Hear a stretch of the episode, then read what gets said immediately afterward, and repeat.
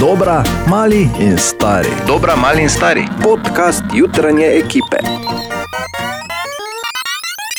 Hej, podcasterca, hej, podcaster, kakšen pozdrav, jej! okay, vsako jutro, torej, vsak delovnik, ob petih smo tu, do desetih na Radio City in kaj smo delali, ko smo bili tu, in ali smo res bili tu, če me razumeš, ker tako poslušaš, vedno res nismo tu. Izvoli, uživaj in se slišimo, se veš, spet naslednji delovnik ob petih, kaj čemo, je. Dobro jutro. Dobro, Dobro jutro. jutro. Ja, pozdravljeni. Bleh, Ponedeljek je, ne? Bleh, bleh. Ampak moraš vedeti, tako zgodaj zjutraj ponedeljek je lahko tudi romantično, ne, lahko je lepo, lahko je čist drugače. Slušaj to uh, in uh, pač zaznaj uh, v bistvu metaforo. Kaj ti, ko si danes zjutraj zunaj, je jasna noč, luna je velika, okrogla, svetlo si je.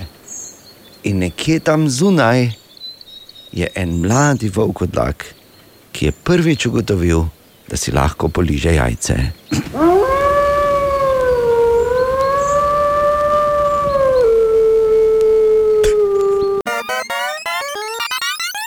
Tudi danes zjutraj polistajmo malo po zanimivih naslovih. Ogromno jih je povezanih z včerajšnjim dogajanjem na Teznu, ki se je, hvala Bogu, dobro izteklo, ampak o tem več kasneje.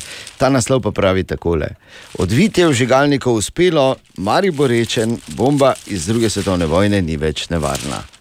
Ok, zdaj pa tako, to, da je odvitje vžigalnikov uspelo, je res, da bomba ni več nevarna tudi, ampak da bi pa to bilo dovolj, da bi Maribor bil rešen. To se pa bojim, da ne drži. Pa rajmo nekaj drugega. In to je zdaj ena priložnost za debato, ker vsi vemo, kako to zgleda.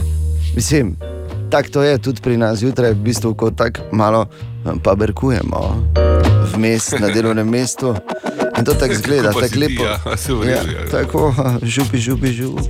Točno tako. Tako izgleda, smo, ja. hodimo lepo, ampak ležerno oblečeni, vsak s svojim koktejlom, veš. Mhm. Od ene do druge zategni. Pa, tako, žubi, žu, žu. Žu, žu, žubi, žu. In tako da ti. Ok, ok.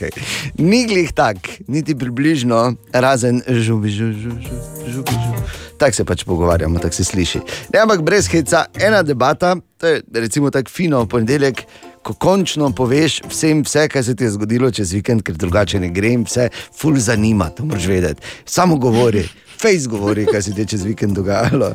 In če A ja? hodijo ljudje v stran, če, ne, če hodijo ljudje v stran, še bolj govori, ker res vse ful zanima. Pa hodi za njimi. Ne? Ja, in govori. Ej, pa veš, kaj sem še se pa, spomnila? Ko greš na VC za nekom. Ampak morda pa nekaj, kar bi znala biti zanimiva debata.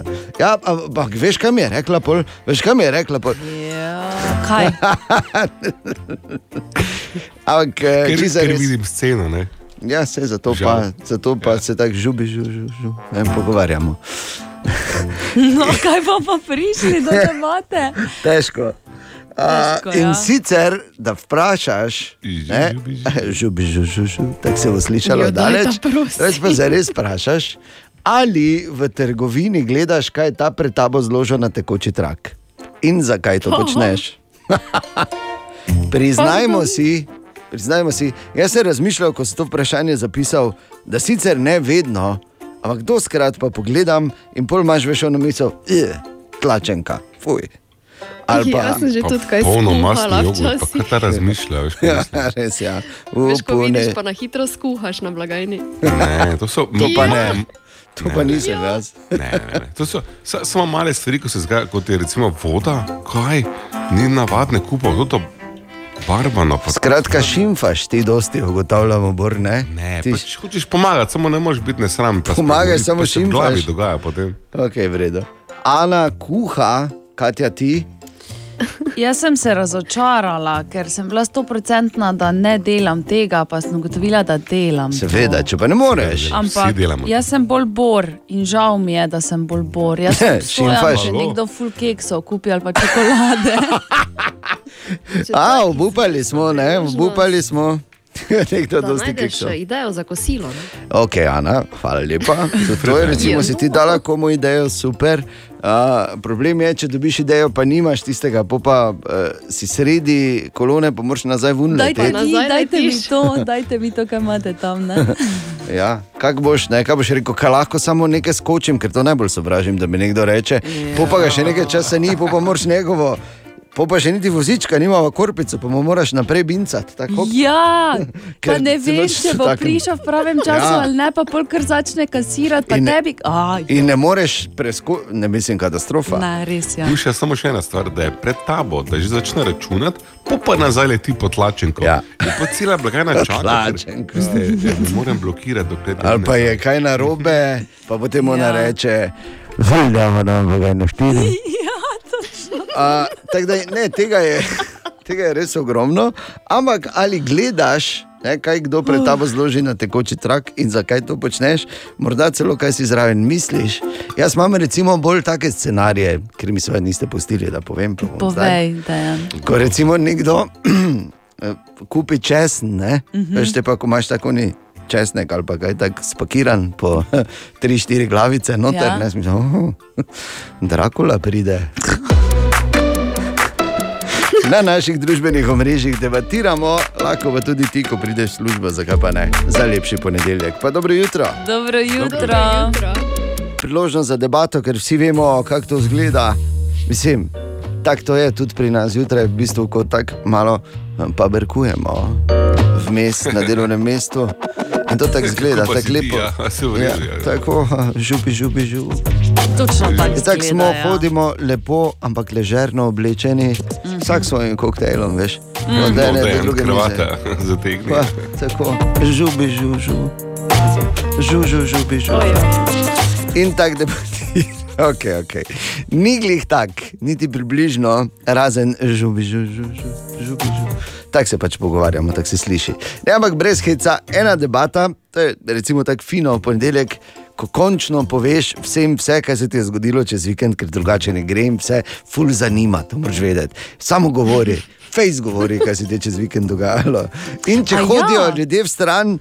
Če, ne, če hodijo ljudje v stran, še bolj govori, ker res vse ful zanima. Pa hodi za njimi. Ne? Ja, in govori. Ej, pa veš, kaj sem še se pa, spomnila? Ko greš na WC za nekom. Ampak morda pa nekaj, kar bi znala biti zanimiva debata. Ja, ampak veš, kaj mi je rekla pol? Veš, kaj mi je rekla pol? Ja, kaj? Ampak, eh, Ker, ker res- vidim sceno, ne? Ja, se zato Žal. pa, zato pa ja. se tako žubi, žubi, žubi, žubi. Ne, pogovarjamo. No, kaj bomo pa prišli do debate? Težko. A, Težko, in ja. sicer, da vprašaš, ne, Žubi, žubi, žubi, tako se bo slišalo daleč. Več pa zares vprašaš, ali v trgovini gledaš, kaj je ta pred tabo zložil na tekoči trak in zakaj to počneš. Priznajmo si, priznajmo si, jaz sem razmišljal, ko sem to vprašanje zapisal, da sicer ne vedno, ampak doskrat pa pogledam in pol imaš veš ono misel, "Eh, tlačenka, fuj. Ali pa, Jaz sem že Pa tudi kaj skuhala masno jogurt, pa včasih. kaj ta razmišlja, veš, kaj ja, mislim? res ja. Veš, ko Upune. vidiš, pa na hitro skuhaš na blagajni. Ne, to so, To pa Ja. ne. To pa nisem jaz. Ne, ne, ne. To so sa, samo male stvari, ko se zgodi, kot je recimo voda, kaj ni navadne kupov, to, to barvano. Pa, Skratka, šimfaš ti dosti, ugotavljamo, bor, ne? ne, Ti pač hočeš pomagati, samo ne moreš biti nesramen. Pomagaj, samo se v glavi šimpaš. dogaja potem. Ok, v redu. Ana kuha, Katja ti. Jaz sem se razočarala, ker sem bila stoprocentna, da ne delam tega, pa sem ugotovila, da delam. to. Seveda, če pa ne moreš. Ampak to. jaz sem bolj bor in žal mi je, da sem bolj bor. Jaz sem stojala, če nekdo full keksov kupi ali pa čokolade. A, obupali smo, ne, obupali smo. Nekdo Da dosti kiksov. eh, idejo za kosilo. Ne? Ok, Ana, hvala lepa. To je, recimo, si ti dala komu idejo, super. Uh, problem je, če dobiš idejo, pa nimaš tistega, po pa uh, si sredi kolone, pa moraš nazaj ven. Dajte Nazaj dajte mi to, dajte mi to, kaj imate tam. Ne? Ja, kak boš, ne, kaj boš rekel, kaj lahko samo nekaj skočim, ker to najbolj sovražim, da mi nekdo reče. Ja. Pa ga še nekaj časa ni, pa moraš njegovo. Po pa še niti vozička, nimamo korpico, pa mu moraš naprej bincati. tako. Ja, pa ne veš, če bo takem- prišel v pravem času Ja. ja. ali ne, pa polkar začne kasirati, pa In ne- tebi. Aj, In ne moreš preskočiti, ne mislim, katastrofa. ne, res je. Tu še samo še ena stvar, da je pred tabo, da že začne računati, pa pa nazaj leti po tlačenko. Ja. In pa cela blagajna čaka. Tlačenko. veste, ja, Ne morem blokirati, dokler Ali pa je kaj narobe, pa potem ona Ja. Reče, Vldamo nam blagajno štiri. Ja, točno. A, tako da, ne, tega, je, tega je res ogromno. Ampak ali gledaš, ne, kaj kdo pred tabo zloži na tekoči trak in zakaj to počneš, morda celo kaj si zraven misliš. Jaz imam recimo bolj take scenarije, ker mi seveda niste pustili, da povem. Povej, da je. Ko recimo nekdo eh, kupi česen, ne, uh -huh. veš te pa, ko imaš tako ni. Česnek ali pa kaj tako spakiran po 3-4 glavice, noter, Ja. ne smisel. Oh, Drakula pride. Na naših družbenih omrežjih debatiramo, lahko pa tudi ti, ko prideš v službo, zakaj pa ne, za lepši ponedeljek. Pa dobro jutro. Dobro jutro. Jutro. Čas je, da osmislimo to čakanje, nestrpno čakanje na ponedeljek. Horoskop za ta teden, Katja, izvoli. Oven.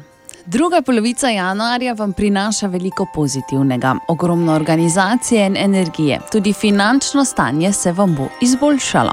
Pik. Teden vam prinaša več motivov, ki vas bodo spodbudili k premikanju v pravo smer. Ugotovili boste, da le ni vse tako pusto in črno. Dvojčka, ne, ni res, da bo vre, brez vas svet nehal delovati, in ne, ni res, da morate za vse poskrbeti sami. Kaj vse morate narediti? Oziroma, kaj vse, kar morate narediti, je res nujno. Rak, ta teden mislite predvsem na sebe in na svoje zdravje. Vpliv lune vas bo postavil na realna tla in vam postavil kar nekaj življenjsko pomembnih vprašanj, s katerimi se boste ukvarjali čez celoten teden. Lev, premislite o svojih vrednotah in ciljih. Čaka vas novo sodelovanje, s tem tudi partnerstvo. Glede večjih odločitev ne pozabite poslušati svoje intuicije. Devica, ta teden vam prinaša kar nekaj odgovorov, samo čas za razmislek si morate vzeti. Tudi ta teden vam ne bo zmanjkalo dela. Tehnica, pred vami je eden lepših, ampak tudi nekoliko burnejših tednov. Čeprav se vam zdi, da se težko premaknete z ene točke, boste v naslednjih dneh deležni pretresa, zaradi katerega boste prisiljeni narediti premik. Vse je na kile, ne? Hvala ti. Ne, to si ti tako vzel. Škorpion, deležni boste posebne usmeritve, ki vas bo še dodatno motivirala, da se prebijete skozi dneve. Pravzaprav vam ta teden ne bo nič posebno težko. Strelec, brez obotavljanja, dvomov in pa nepotrebnega premišljevanja se boste v naslednjih dneh posvetili samo tistim stvarem, ki vas bodo resnično nagovorile. Kozorok, planeti vam bodo ta teden pokazali, na katerih področjih se je vredno boriti in katere so tiste stvari, ki so zares pomembne. Znali boste presoditi in počakati na pravi trenutek. Vodnar, prihaja nova moč in volja, le to vam prinaša predvsem sonce v vašem znamenju. Padla bo nova odločitev, ki bo pomembno vplivala na stanje čez celotno leto. In pa ribi, delate počasne premike. Včasih ni dobro iti preko sebe in tega se sami dobro zavedate. Zaradi tega večkrat odločite, da, oziroma zaradi tega se večkrat odločite, da preprosto ne boste delali ne- nekaterih stvari in pustite stvarem, da počakajo in dozorijo, da se znova zdijo uporabne in koristne. Da se da enkrat strinjam s horoskopom, ker tako je res. Težko. Vsaj zjutraj.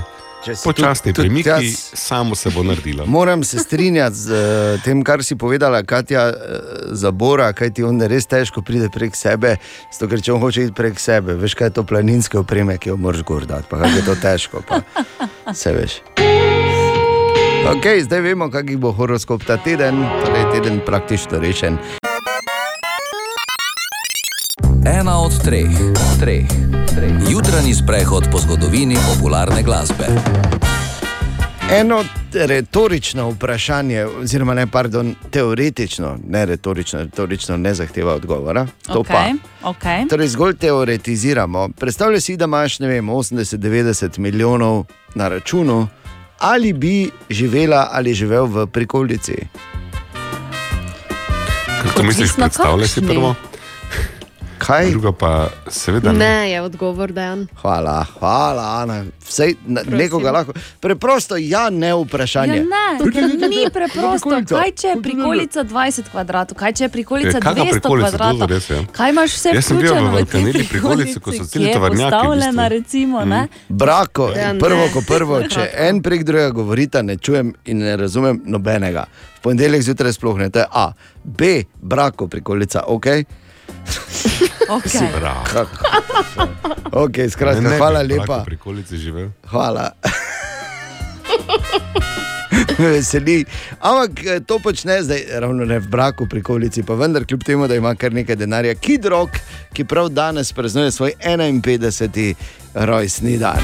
Kidrok je, uh, to je, to je ta, če se slučajno, če ti ne pade ne, na pamet in če nisi spremljal bogatega življenja Pamela Anderson, uh -huh. uh, Kidrok tak je recimo zapel.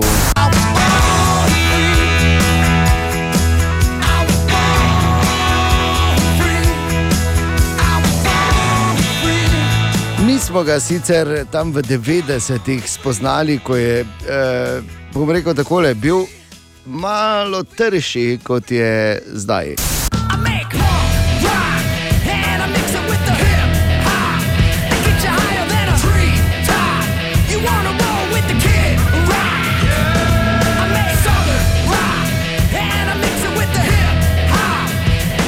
Tako je začel. No, pol pa se je zgodila evolucija.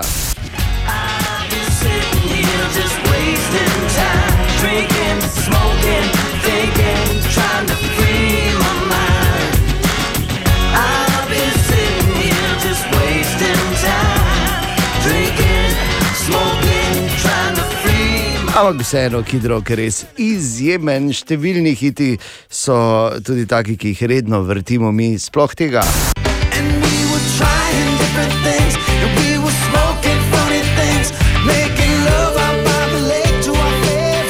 Semplom legendarne Werewolves of London. Apropo praznovanja rojstnih dni okoli 50. Ne bo, ne čujem te, ker ura ti je. eh, Ja, ja. Zvoni. Bije, bije, ne. Tika, taka, tika, tak. Ne? Deveti marec, la la la, la la la. In pol bo.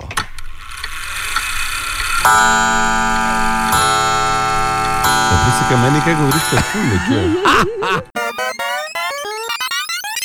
Včeraj je bilo na teznu, tako bom rekel, vse oči so bile odprte uh, in uprte, in ušesa sploh, malo širše, ali bo naredilo bum.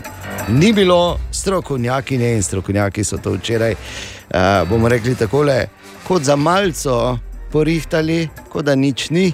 In eh, deaktivirana je bila ta letalska bomba iz druge svetovne vojne.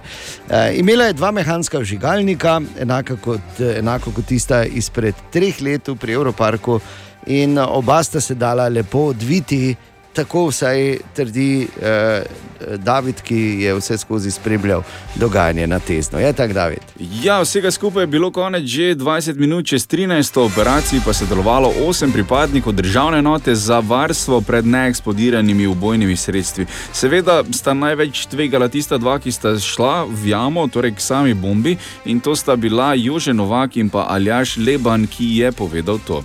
ko enkrat ti zadevo poznaš, hteli zadevi drugače pristopiš. In v tem trenutku, ko smo enkrat naredili tisto identifikacijo, smo vedeli, za kje se gre, in je bilo samo stvar na tem, ali bo O, zadeva te- popustila ali ne bo popustila. Če ne bi popustila, bi šli pač, bi bombo dali v luknjo, zakopali in detonirali. Ne. Tako da smo imeli pač srečo, ni rečeno, da bo zmeri tako, lahko bo enkrat, da ne bo šlo, ampak do zdaj nam je, kar je bilo v Mariboru v zadnjih letih, nam je kar dobro to uspevalo. Ob tem je dodal tudi, da se že dokaj dolgo ukvarja s tem. Nekje, mislim, jaz približno sem skoraj 20 let v že enoti, malo manj, uh, verjetno pač njih 1500 intervencij, sigurno, lahko tudi več. Uh, več ali manj sem bil na vseh letalskih bombah, kar so bile tukaj Maribor, ne, tako da sem kar precej v tem in jaz s tem nimam problemov. Na terenu pa je v akciji sodelovalo tudi okoli 150 pripadnikov različnih struktur z področja zaščite, reševanja in varnosti, ki si prav tako vsi po vrsti zaslužijo zahvalo. Ja, res najlepša hvala vsem, ki ste sodelovali in ohranili naše tezno, tako kot je, da bomo lahko le eh, sanirali oziroma prenovili zdravstveni dom in ostalo. Ampak bilo pa je tudi govora o tem, da je v Mariboru pametno narediti raziskavo terena, preden začneš graditi, ali pa pač preden te pač prime, da bi malo kopal. Ja, v bistvu stroka ocenjuje, da je na območju mesta še okrog 250 neeksplodiranih bomb, zato je res pametno preveriti, preden začneš karkoli, ker pač tisti občutek, no, mislim, ko slišiš žlico bagra že trčiti ob nekaj železnega, to ne more biti prijetno. Več pa pojasnjuje podžupan Maribora samo Peter Medved. Vsem graditeljem, ki dobijo predhodno informacijo, da se njihova gradnja nahaja na območju, kjer uh, velja nevarnost pred neeksplodiranimi ubojnimi sredstvi, da to spoštujejo, ravnajo in da tudi predhodne raziskave naročijo. V primeru predhodnih raziskav se lahko marsikčesa in nevarnosti seveda tudi izognemo, uh, tako da res uh, ta odlog velja od novembra. Ni obvezen, priporočilo pa seveda velja in res si želim, da bi ga v bodoče ljudje tudi vzeli resno in ga tudi upoštevali. Torej, k sreči se je včeraj vse skupaj končalo brez problema, večkrat pa so včeraj podarili tudi, da so se prav tako prebivalci odzvali disciplinirano in brez najmanjšega incidenta. Mogoče se rahlo smešno sliši, ampak človek res dobi občutek, da smo se že navadili na te najdbe. Hm. Ampak vseeno, res še enkrat hvala vsem, ki ste super tudi za sodelovanje, vsem na tezno, ki so morali zapustiti svoj dom, ampak eh, največja pa seveda priznanje vsem strokovnjakom, ki so to deaktivirali. Ampak zanimivo, ne vem, če ste slišali, imamo ta odlog v našem mestu, ki pa ni obvezen, kar bi morda kdo rekel, vse logično, ker tudi ni obvezno, da ti bo bombo ruknilo. Ne? Ko sem malo listal med zanimivimi naslovi, danes zjutraj pa sem našel en stavek, ki ga uh, dvomim, da bom kadarkoli slišal Bora, da ga bo izgovoril. Te zanima, ne Bor? Ja, In sicer piše, Fortnite se vrača na iPhone. Ne? res je. Zaletelo se mu je. Res je. Mislim, zaradi- zdaj iščem, glej, iščem alternativni izraz, da bi rekel, poserem se na ne, da ne bom res spadal. Tako da- Ni Lahko alternativnega samo rečem, izraza, da glej, absolutno in povsem mi je vse eno. Je.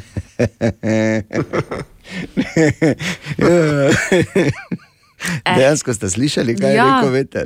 Kaj sem rekel, nisem rekel. Ne, lepo, lepo. Ne, nisi, nisi, nisi. Nisem, nisem rekel. Pa ne. O, Tine! Prvič v novem tednu in kljub temu, da so temperature pod ničlo z biciklom. Tine, dobro jutro. Dobro jutro. Odine. Zdravo. Ciklom, ja, kako pa? Ja, no, vse prav, vse prav. Vse dni, vse skozi. Ja, glej. Razen če res fejs ne živi. Kar nas ne ubije, nas eh, Naredi močnejše. tako. In ali si kadarkoli, to sem te vedno hotel vprašati, ko si se vozil v službo, ko nisi isto oblečen kot ko je rekreacija, si imel kdaj klupo na hlačnici. Ne. Nisem. Ja, eni to delajo. ne? Ja, vem, ja, mislim, nimam, uh, Trapezarc, skoraj. ja, nimam trapezarc, nisem tako oblečen, Ne? da bi mogel. Ne. A ja, jaz te vedno samo do pasa gledam, ne vidim, če imaš trapezarce. Ne, oprosti, ker zakaj sem to vprašal. Ene imel, pa mi prekriti, ne gre za Okej. karanteno. pa to Kaj imamo danes, Tine? Eh, danes imamo eno tako fino zanimivost eh, za ponedeljek. In eh, sicer delali so raziskavo in ugotovili, da sta Beyoncé in Brad Pitt, Brat in Eh, sestra. ja, Joj. dvojčka.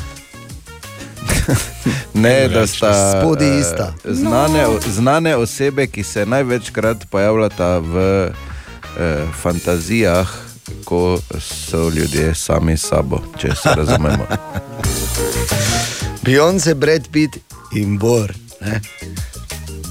Ja. Ne. Pač meni zamenja, zato ker ni fair, ne.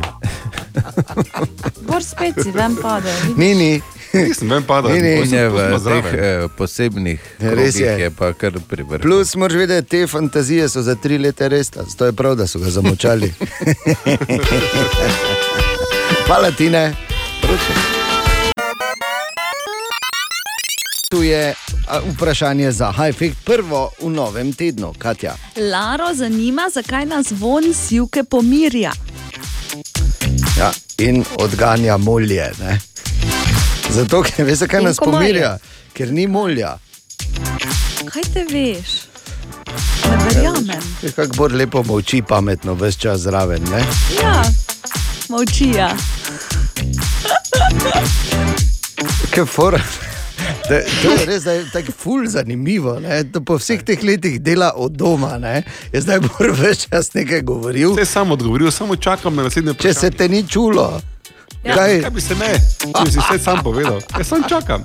Sam lepo si rekel. Ja, teh letih seveda. Končno me pamet srečala. Kam bi se zaletaval? Če bom ga vprašanje, da dejansko odgovori ali gremo dalje. Ne, če za res uh, dobiš odgovor, jasno, da v aha efektu, ki sledi.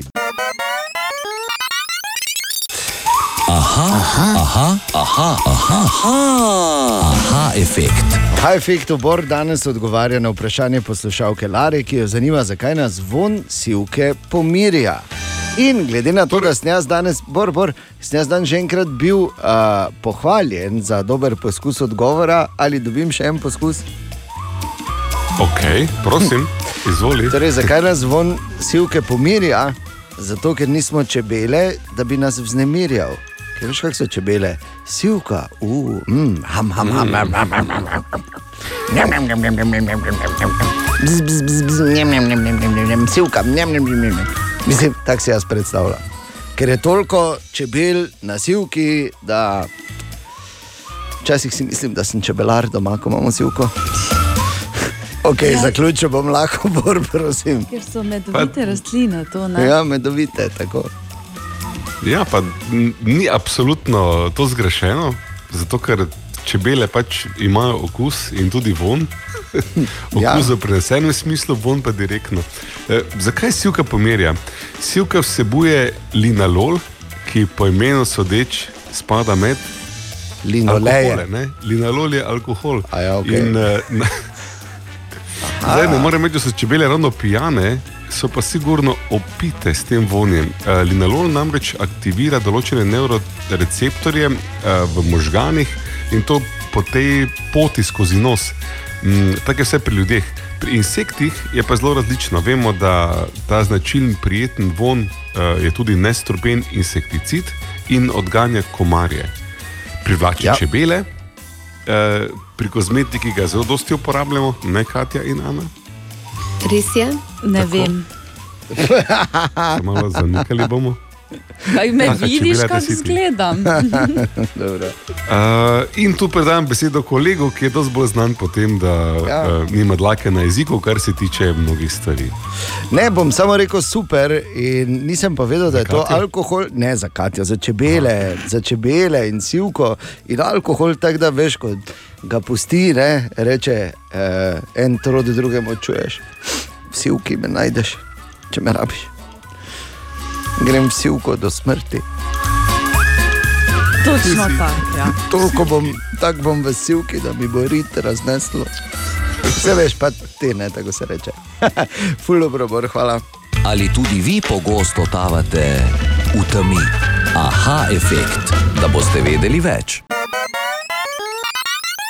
Danes je ponedeljek in veš kaj, v ponedeljek zjutraj je žalitev k poškodbi, kot temu rečemo, da je ponedeljek, ne, da tako moraš zgodaj vstati, da je konec vikenda, da, da se spet začenja, da je daleč naslednji vikend, pa da imaš muskelfiber.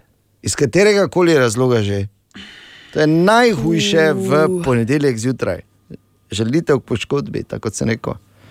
Tako da bo res malo se umiri čez vikend, ker zdaj, ko te gledamo, res tem muskelfibrom. Ja, pa vem, ja, vem, ja, pardon. vse ne bom več, ampak Tak- bila je taka ideja, veš, malo sem pretegnil samo, ne? Ja, malo, malo, pa gledaj. Omaš zdaj ne. Ok, zadnjič o bombi danes zjutraj, obljubim. Obljubiš? Obljubim.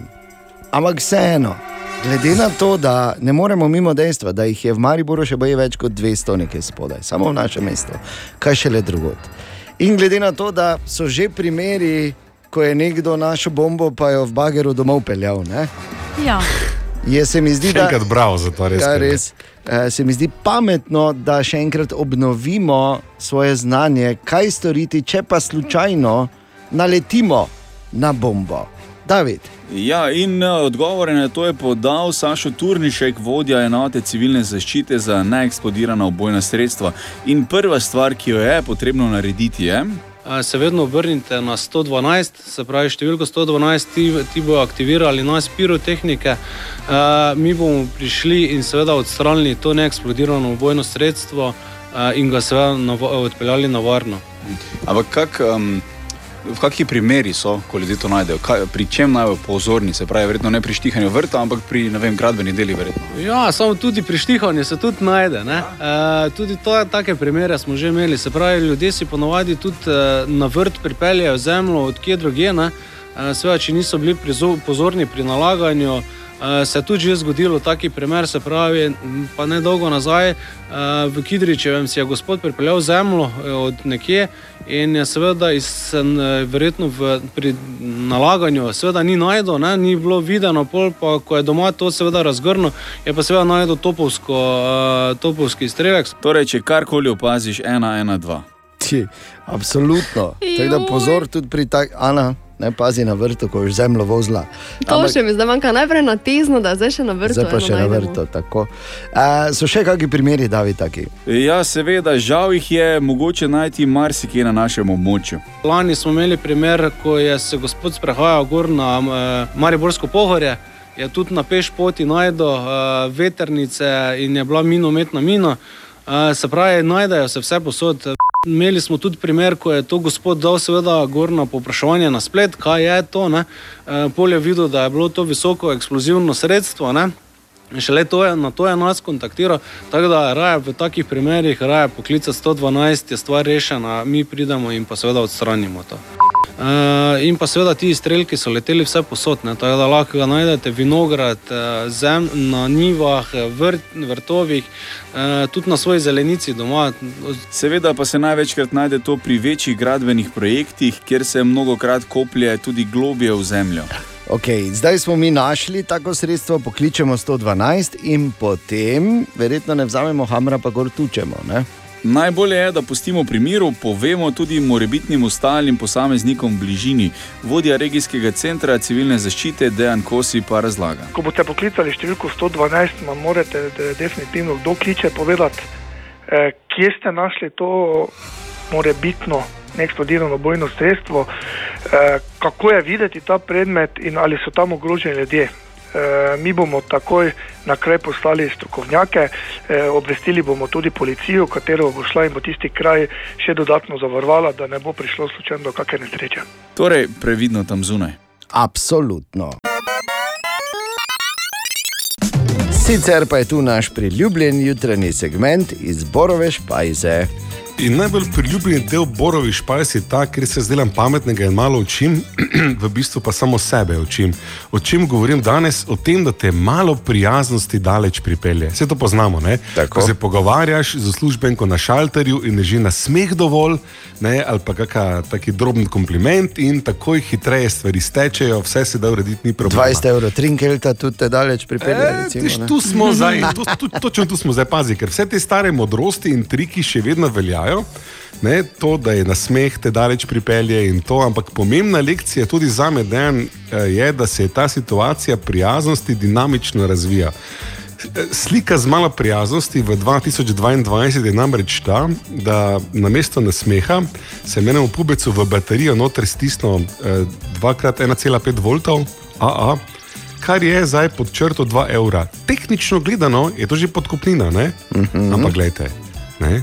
To je pač malo bolj modern nasmeh. Včasih za stojn, danes za 2 evra, še vedno je princip enak, z malo prijaznosti se vse reši, tudi če treba pač malo premakniti. ne. Naj samo povem, da je to že desetletja nazaj moja babica vedno govorila: če nič ne mažeš, nič ne voziš. Pa želimo dobro jutro. Dobro jutro. Kdo bi si mislil, kako lahko tako hitro mine? Ne? Ne govori. Govorimo o noči. Ja, saj ja, to ravno. Ja, pa življenje bor, ne. Dobro. Danes je torej torek, 18. januar, še enkrat dobro jutro in dobrodošli. Dobro jutro. Kar pomeni, da je bil včeraj 17. januar. čestitke za logiko. Bravo, Ne? ja. ja. In 17. januar velja za najbolj depresiven dan v letu. In ker je tako uh, temačno vzdušje, recimo tudi v tej legendarni seriji Piggy Blinders, sem zdaj to uporabil tudi za ozadje. Ne? Tam je skozi tako temačno, pa dežuje, pa po blatu hodijo. ne. Pa vsi so sivi. Ne? ja, tako je bilo. Ali sivi ali mrtvi. Uh, tako naj bi bilo včeraj, no? tako pač pravijo in zatrjujejo. Ampak jaz uh, vseeno mislim, da je prav, ker to se zdaj ljudje zunaj sprašujejo in sploh se ne bodo premaknili naprej. Če uh, ne povemo mi, ali je bil tudi za nas to tak najbolj depresiven dan v letu. Torej, no, Ja, kjer začne? ja, kako hočemo. Ja, za mene ni bil, recimo. Evo. Jaz sem Zak- imela ful dober dan včeraj. No, eh. Sicer sem Pa tako. uničeno zaspala potem zvečer, ker sem čist preveč delala, ampak je pa bil Uničeno. svetoven dan. da- svetoven. Svetoven. Kot re, lepo. Prav, kaj jaz sem full vesel za tebe. Hvala, hvala. Hvala, hvala. Hvala ti, da si tako lepo povedala. Hvala za iskrenost. Bor? Bor. Mislim, iskrenost, besede. Zato, ker jaz pa sem imel res svetovni dan, po desetih letih sem bil na rekreaciji.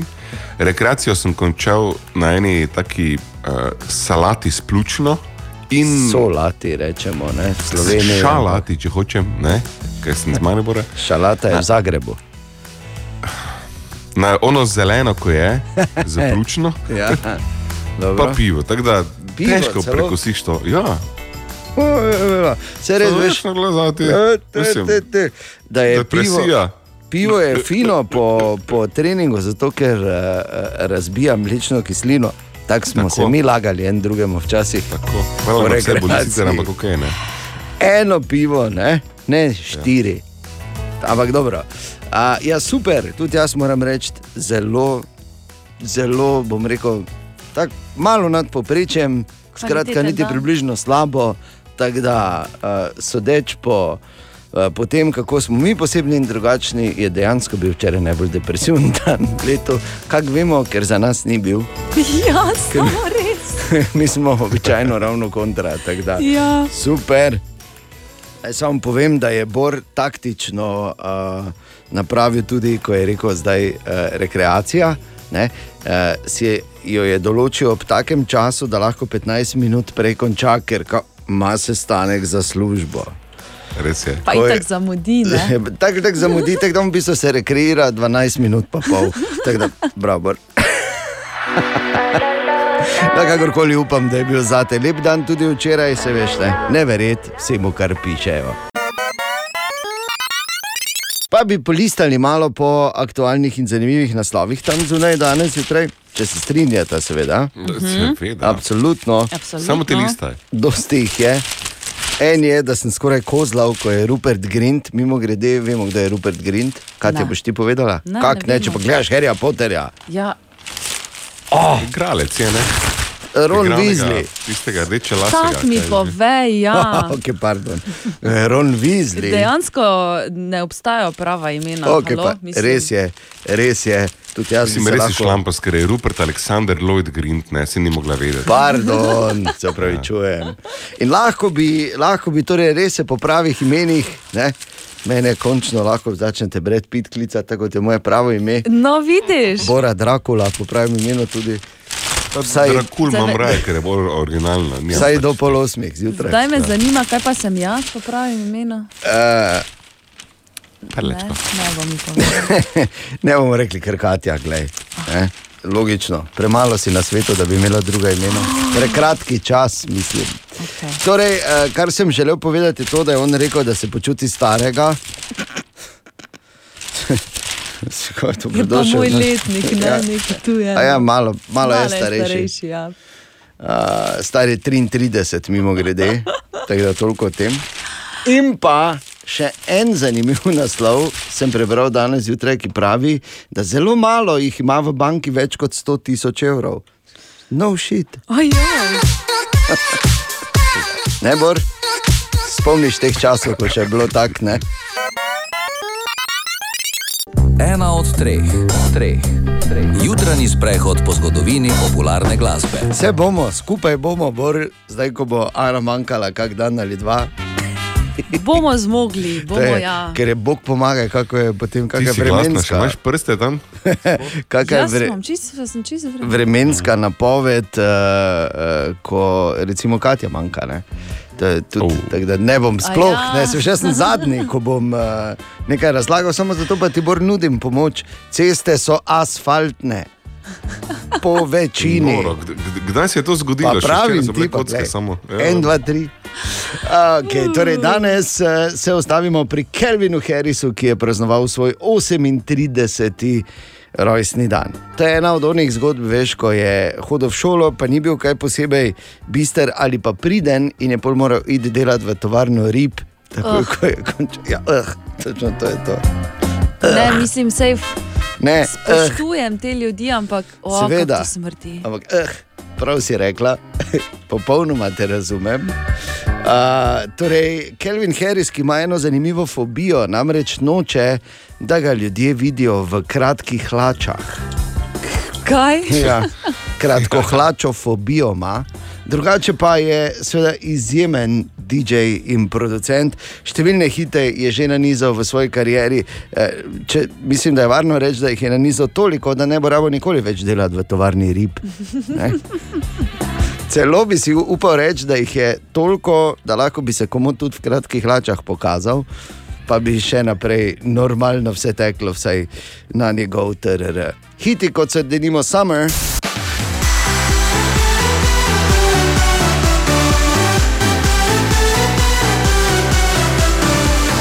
Pa Feels s Farelom in Katy Perry.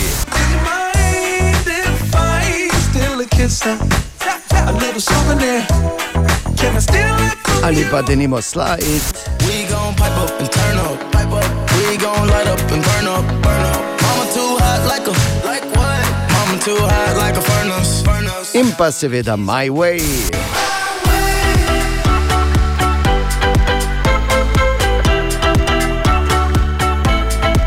Kelvin Harris, torej 38, celoti, takoj po oglasih.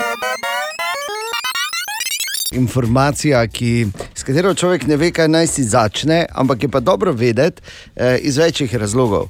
In ta informacija je, da so dali ven tudi številke o tem, kdo je največji zaslužkar na YouTubu, oziroma na YouTubu, temu kot eh, pač mlajše generacije, generacije pač rečejo televizija, kakorkoli že, temu smo mi rekli televizija, no, na nek leta in desetletja nazaj. Torej, nedolgo nazaj je bil to desetletni. Uh, Uh, taki, ne vem, kaj imamo sploh slovenski izraz, veš, ko odpirajo škatle, pa delajo ocene uh, uh, igrač. Aha, Uh, ne vem, če obstaja pač- slovenski. Ja. Ocenjevalec igrač, okay? re, Recimo. re, recimo, da se zdaj Ja, rodi ta izraz. je, ker, ker ni to tako škatlo v tem izrazu. Ne, ne, ne, pardon, ja, ne gre sploh za škatle, gre za ocenjevanje igračev. Okay? Ja, ja, ampak- Reviewing. Okay? Mm. V redu? Ne rabimo iskati, vemo, zakaj gre. V redu? Vemo, vemo. In to je bil nedolgo nazaj desetletni Ryan Kači, ki je bil največji zaslužkar, no zdaj ga je prehitel Mr. Beast, ki je v lanskem letu zaslužil 54 milijonov s svojimi, bom rekel, tako rahlo bizarnimi videoposnetki na YouTubu. Zelo hočemo vedeti, kaj dela. Ja. Ja, ima škatle, odpira Katja. Ne, niti približno. Ne slediš, Bor. Ne, Tisto je ne dela. prejšnji. Ja, ne dela tega, ampak ima pa take neke hecne izzive. Ne? Da ti ne vem, eh, milijon dolarjev in če ga lahko neseš, ne vem, kam je pol tvoj milijon. Ne? veš. Pa tako ima, pa skrije 100 tisoč eh, dolarjev, pa potem tam ljudje nekaj iščejo. Pa. Mhm. Skratka. Fajn. Glej, pač našel je svojo nišo, čestitke, ampak 54 milijonov. Uh, in če se vrnemo nazaj v, v realnost, en mini kviz, uh, tri naslove skladbama bom povedal, pa prosim, ne googlati, ker ni fora. Samo in povejte, probajte razvrstiti prvi, drugi, tretji po številu ogledov na YouTubu. Okay? Okej. Kaj, tri? Za milijon, seveda. Ne? Ne, ne. Ker ti zgledam kot Mr. Beast. O, ja. Mislim, o ja. Hvala. Samo Torej, Italija. pazi, eh, razvrstite prvi, drugi, tretji. See you again, Wiz Khalifa, Gangnam Style in pa Shape of You, da je širena. Uh, Ajde. Gangnam Style, prvi, Shape of You, zadnji. pa ne, Shape of Ja. You je drugi. Dobro. Uh, zadnji je pa See You Again. Okay. Ne bi mogla bolj narobe povedati. Vale, vi skalifa prva, ne? Ne, ne, ne, ne. ne. Med, temi, Sheeran. med omenjenimi je Shape of You Ed Sheeran, ki je v bistvu na četrtem, all-time, eh, na, na četrtem mestu all-time lestvice s skoraj eh, petimi milijardami, 5,6 milijarde ogledov. Pol je Wiz Khalifa See You Again, 5,3 milijarde ogledov in šele na uh, tretje mesto naše in enajstem mestu uh, večne YouTube lestvice Gang, Gangnam Style 4 milijarde, Že pa nekaj 4,3 časa najbolj milijarde. gledan video na svetu, ne? Ja, ampak veš, ja, kdaj bo? Kdaj ne? Ne. Kaj ne? Ne, ne, ne, ne. Ja, vodi pa, kot smo Ja, se ja, nekaj ja. časa nazaj naučili, Baby Shark. Ne? Ja, 10 milijard. Tako da to je to. O, Tine! Tja, dobro jutro, Tine. Dobro jutro. Ja, Živijo. dobro jutro, ti ne. Evo, torek je že 18. januar, Tine. Kako že? Ja. Je že? Že mimo je že uh, ono novo leto, pa ono novo leto, pa najbolj depresiven dan v letu je mimo, vse je mimo že. Zdaj Je smo že. na konju, ne? Iha. Tak, ja, tako, tako, Katja. Iha. Ja. Kavbojka iz Čakove. Se tam je- Ali se ti zvočni efekt, spomniš? ampak bom nehala. Ne bom. Se dejan spomniš, predstavo smo imeli, je bil Janžev vrh ali ne da je, kako se reče tam? Obstaja, ja. Gora ali kaj je. ja. Mislim, da je tam bilo. Postavili smo uh, dvorano, zvočenje, imeli smo cajt, gremo na kavo, pa smo tam pač v neko gostilno, ne vem. Smo ja. sparkirali, Bilo pa v- sta. V Orehovcih, eh, bilo pa je, uh, ja, šli smo v. Ja. Nad, Jan, v bistvu nad Boračevo, tam gor. veš No, kaj. neki tam je bilo. Okej. Skratka, parkirali smo se z avtom, zraven pa sta dva prišla, pa sta dva konja S konji. svoje zavezala pred, pa šla v gostilno noč, pa smo rekli, ok. Verjetno. Kam smo to prišli? Ne? Ne, super. Ne, vse vre. Odlično. Tako da te razumemo za tvojimi kavbojskimi kriki, to smo hotela povedati. Super, me veseli. Okay. Bor, kaj si tu? Uh, odštevam, 1. februarja je, ali kaj je vprašanje? Kaj je Dan rekel, vse je že bilo, a kitajsko novo leto pa še ne. A, bravo, Bor, hvala. 1. Hvala, februarja. Kako si lahko na to pozabil? Ja, je, mislim, imam pač razlog, ne. Ne natančno, kolega. Ne, Ja, res. Kaj se pa za njihov praznik je? Uh, no, pač vse, Ne, kar bi, ne ne bomo zdaj rekli, ne, Freda, la, la, la. Upam, da ne pasavci in ne topiri, ker le kam nas je to pripeljalo, globalno. Skratka, hotel sem povedati, Bor, ti boš to potrdil, če je res ali ne. In Sicer v Angliji in Walesu med leti 1533 in 1861 eh, je bil analni seks eh, kaznovan z smrtjo. Zdaj, glede na to, si živ, ne? ali nisi, ali pa te niso dobri. Se izmika v roki zakona. Je res to? Veš kaj? Ja, spomin, ne? ja se pač peša, poigraš se- človekom. malo. Res, res, res. Sploh, ko je tako daleč ne, nazaj. mislim, lepo, da zbrskaš, to mi je všeč, mi je, da rad pač brskaš, če me razumeš. Ja, rad brskam, ja. Veš, da rad Ja, lepo, lepo. Okay. Kaj, če bi videla, se smenila, pa bi brskala, mi pa gremo dalje. Ja. Simon Marčič, naš dakarski junak, junak iz uh, arabske puščave, se je torej vrnil iz Dakara 22 z osmim mestom v razredu Original. Simon, še enkrat, dobro jutro, lepo zdrav. Ja, dobro jutro, lepo zdrav vsem svetilcem, vsem Eh. poslušalcem. Mi smo dejansko uh, bili v precejšnjih skrbeh. Najprej, če gremo tako kronološko, ko si začel razlagati, uh, da so se dogajale neke stvari. Najprej ti je uh, crknila navigacija. To je bil prvi taki, ko si ti razlagal, da si vozil z eno roko držal za velanco, uh, pri 130 na uro po pesku, pa z drugo uro si suko naprej to navigacijo. Ja, ja res Noro. je. Uh, ja, sicer nisem bil prvi, ampak je bilo pa leto, letos to res uh, napeto, uh, ker je bila konkurenca tudi tako izenačena, da so te napala, napadali od zadaj, lovili si enega spredaj. Uh, Ni bilo nekega prostora, da bi rekel, dosti te planjave, dosti je bilo grmov, ne, ki moš paziti. In uh, je bilo predvsem stresno, ja, valjda, ne, če, če uh, takrat, ko držiš z eno roko, če zahaklaš neko oviro, bo to. Se to sigurno najbolj dobro konča. Tako da, čeprav imajo motori stabilizatorje, pa vse skupaj, ampak eh, je nevarno. Ne? Potem, še, potem je še problem, da vala tega roadbooka ne sučeš, bom rekel, ažurno, ne? tako bi ga na elektriko, se pravi, skozi ostaneš za par kilometrov, uh, pol hitro zgrešiš, kako kontrolno točko, moraš se vračati nazaj, pol te to vala psihično še bolj uh, ubije na nek način. Tako da pač, eh, ja, ja, ni najbolj fajn, eh, ko se to zgodi. Ampak eh, ja, prvi dan je bila, v bistvu dvakrat se mi je to zgodilo.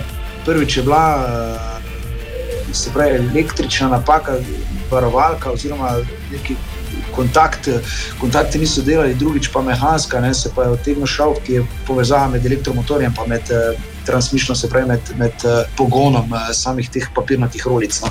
Tako da, Katastrofa. Eh, Ja, eh, no, ja ni, ni bilo fajn ta dva dni, ne, ampak eh, glavno je, da sem, da sem vseeno prišel celi cilj. na Ja, no, dneva. absolutno. Uh, junaško v vseh pogledih, ampak uh, pa tudi uh, od začetka uh, je, bilo, je bilo kar mrzlo. Ne?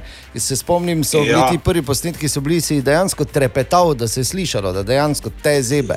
Ja, res je bilo, to pa je bilo nečloveško, res jutro eh, po 4-5 stopinj. eh, Ne, pa zdaj pri Saudski Arabiji je tako, oni, eh, ko imamo se pravi povezovalni del, ki ne šteje, ki je del etape, ampak eh, ni, bom rekel, eh, tam ne dirkamo, je samo časovno omejen, se pravi, imaš recimo 2-3 ure cajt, odvisno od kilometrov. Uh, so zdaj, leto, je včasih to po terenu, zdaj v Saudski Arabiji je to praksa, da oni kar vlijejo tam asfalt. ne, In, in potem se je to zgleda tako, da bi se pelal zjutraj pri 4 stopinjah od Lendave do Kopra, rečemo, bilo včasih tudi po 200, 230, 270 km en dan. Ne, in zdaj, če se ti pelješ.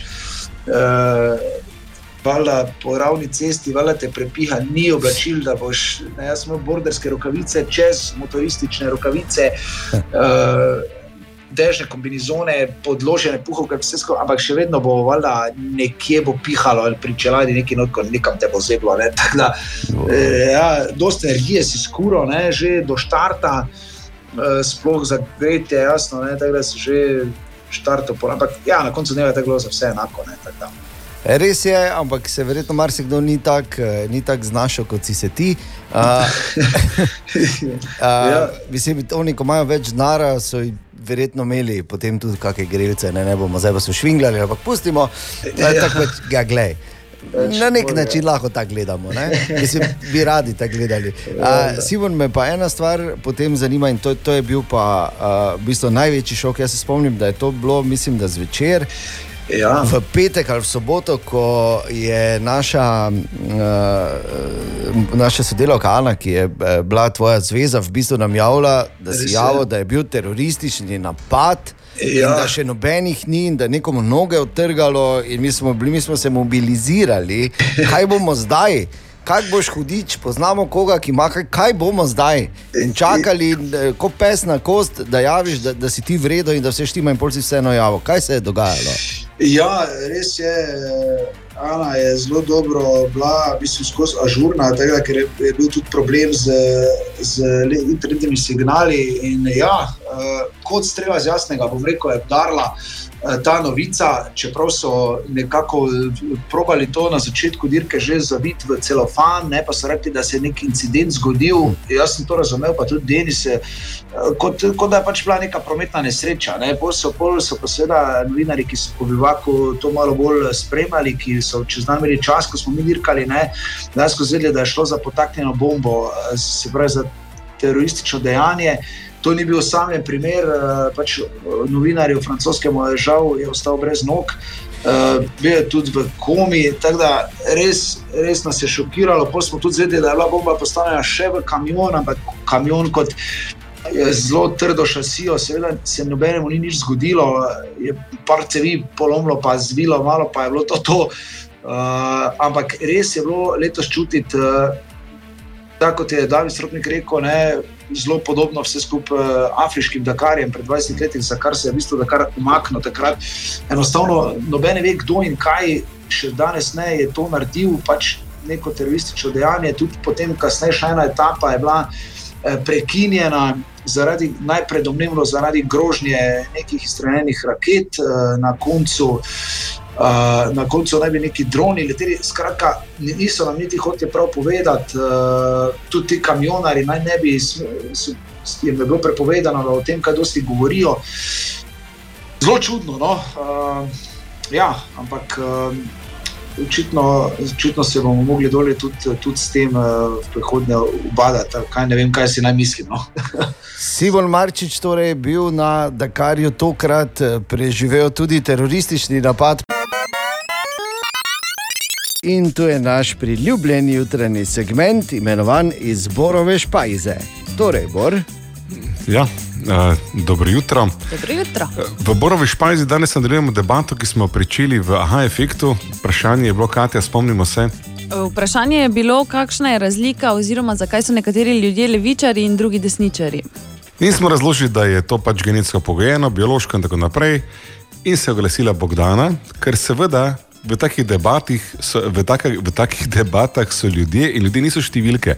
Vsak ima svojo so, usodo in izkušnje. Bogdana pravi, mene sicer niso ravno tepli ali vezali roke za hrbet, so pa nasilili, da počnemo stvari, ki smo jih radi za levo, za desno. In to je rezultat, pravi Bogdana. Celo življenje delam ene stvari z eno roko, desno pišem, medtem ko recimo jem z levo, likam z levo. Skratka, dejansko zdaj obe roki uporabljam, če se tako izrazim. Tako da je tista poskus, kot je Bor rekel, napaka narave, da je provala, kak je, da bi bili z levo roko. Bom rekla, se je pri meni še vseeno malo ohranilo, kljub temu, da so bili neki poskusi preusmeritve na desno roko. Tako, in zdaj, seveda, kaj se lahko z tega naučimo? Najprej moram povedati, da Bor ni rekel, da je Bogdana napaka narave, tu se moramo hitro zmeniti. Jaz sem rekel, da narava pač vedno, vse, življenje se razvija v vse smeri in poskuša marsikaj. In mogoče ravno v tem, ne, da ene stvari jemljemo kot napake, se moramo zmeniti, da to, to ne rabimo. So ene stvari, ki jih počnemo, napake, gledano z stališča družbe, samo to je moče druga debata. Ne. Bogdana za tvoje uh, spretnosti z levo in desno roko lahko samo rečem bravo. Bolj kot oni nas, eh, bolj bomo mi po svoje. Ne? Tako. In klobuk dol za ambidextralnost. In naj povem, Bogdana, nisi edina, uh, tudi jaz uh, delam ene stvari z levo, druge z desno. Čeprav eni pravijo, da bolj vse z levo, sploh ko moram kaj z rokami, ampak da sem bolj levi. ne. Ampak, okay, tu, po meji hodimo, to je tako blizu Ja, res, politični ja. debati, da ja, gremo raje z ja, muziko. gremo Kaki levak si ti res, ne? ja. In zdaj se ne vem, koga bo to razveselilo, zagotovo vodilne pri podjetju uh, Activision oziroma Blizzard. To je eno podjetje, v bistvu to je igralski koncern, ki je uh, ta trenutek tam zdaj, po mojem, ful odpirajo neke šampance, pa se mažejo z kikirikijevim maslom ali s čim že pač. Ne vem, kako to ti. Kaj vi praznujete, Bor? Točno tako, mažemo se za kikiriki, vemo, kako si vedel. Ja, no. Um, Onemo s koščki. Ne? Naj povem zakaj. Zato, ker je uh, se Microsoft odločil, da bo razširil svoj portfolje uh, manjših, pod narekovaji, ribic, ki prinašajo zlate ikre. V smislu podjetij, ki delajo uh, vrhunske igre, in je kupil podjetje Activision Blizzard za 75 milijard dolarjev. Pa Blizzard ni tako mala riba, ne? oni so delali v World of Warcraft, ko ni bilo drugih iger še pravzaprav. Ja, v svojem, prvi, ja. Kako se reče, portfolio? Tako, portfolio. Portfolio, oziroma v svoji mapi uh, imajo tudi Call of Duty, ja. pa Overwatch. Torej, same naslove, ki so še kako popularni danes. In pa Če za- bi kdo slučajno vihal nos nad World of Warcraft, Ja, ja. ja, šmrklovijo. To je tisto, ko se napiše dvojni v, o dvojni v, če, koga ne, če kdo ja, tako veš. wow. Jaz bi bil wow. ne. Drugače pa Candy Crush je še To sem ravno ne? hotel reči. Bor. Glej, sem to zamočat, pa Ne, ker to igrico zagotovo največ ljudi Tako, pozna. absolutno. To je ena od vodilnih, tako imenovanih, pa ne na robe razumeti, sralnih iger. A ja. tako je. Rahla pauza, ker je mrzlo zunaj. Uh, skratka, to je viš, ne, kar smo to povedali in zakaj sploh to omenjamo, ker se v bistvu niti ni tako uh, face pomembno, ampak je pomembno, če uh, imaš pač Xbox, ki ga tako ali tako ni za dobiti, vse to tega novega. Ne. Eh, Leto dni po objavi, več kot leto dni po objavi, v bistvu so še vedno eh, redki kot biseri, na nek način, da ti dobiš to konzolo nove generacije. Uh, ampak je pa pomembno zato, ker nikoli ne veš, ne, kdaj se lahko tudi tebi zgodi kaj takega. Zato bodi priden, ustvarjaj, če ne drugače, boš na neki točki v, proti koncu, oziroma na zenitu svoje kariere, zavid v koco, sedel pa delo od doma. To je tudi nekaj vredno, ne bor. Tako je. 11 minut, če šesto. Želimo dobro jutro. Dobro jutro. In čestitke eh, tam pri Activision Blizzardu, kjer so ta trenutek, kot smo rekli, namazani za kikirikeve maslom s koščki. Kako se ta bil? Šampanec, ne? A šampanec. To je bil šampanjec. Okay. Bor je še enkrat več potrdil svoj sloves najslabšega oponaševalca v Sloveniji. Yeah! Med zanimivimi naslovi tam zunaj, tudi ta, ki se ga da prebrati, in sicer, da želi 46 odstotkov zaposlenih novo službo. Mhm. Bi samo rekel, da v recimo, nekem okolju, kjer delajo štirje skupaj, ker vsaka podrobnost z nami je mislim, absolutno naključna, da bi se rekli, da je kaj podobno. Mhm. Ampak recimo v okolju, kjer delajo štirje, bi bilo dovolj, če bi že 25 odstotkov si to želelo, pa noče, ne? se hudič drži.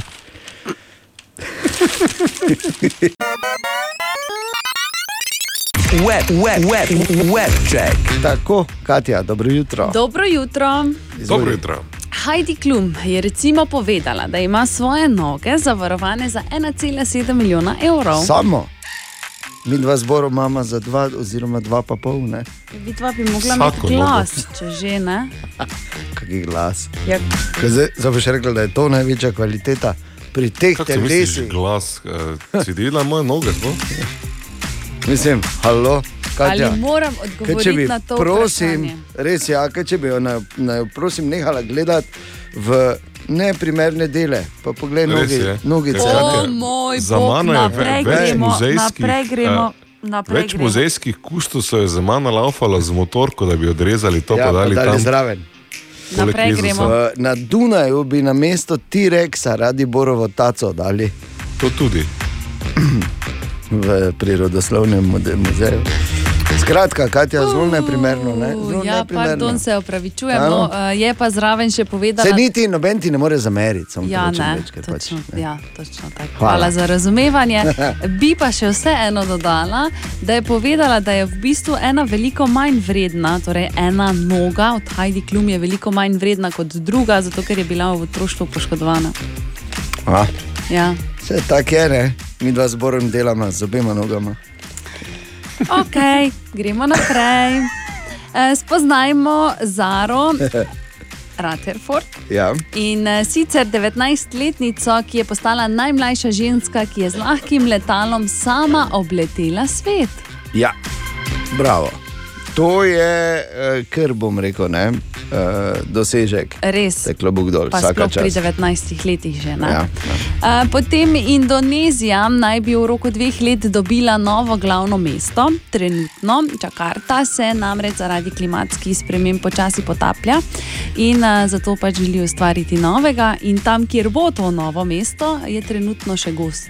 Ja, trenutno še je džungla, tam čez dve leti pa naj bi se že prvi selili tja. Tako je.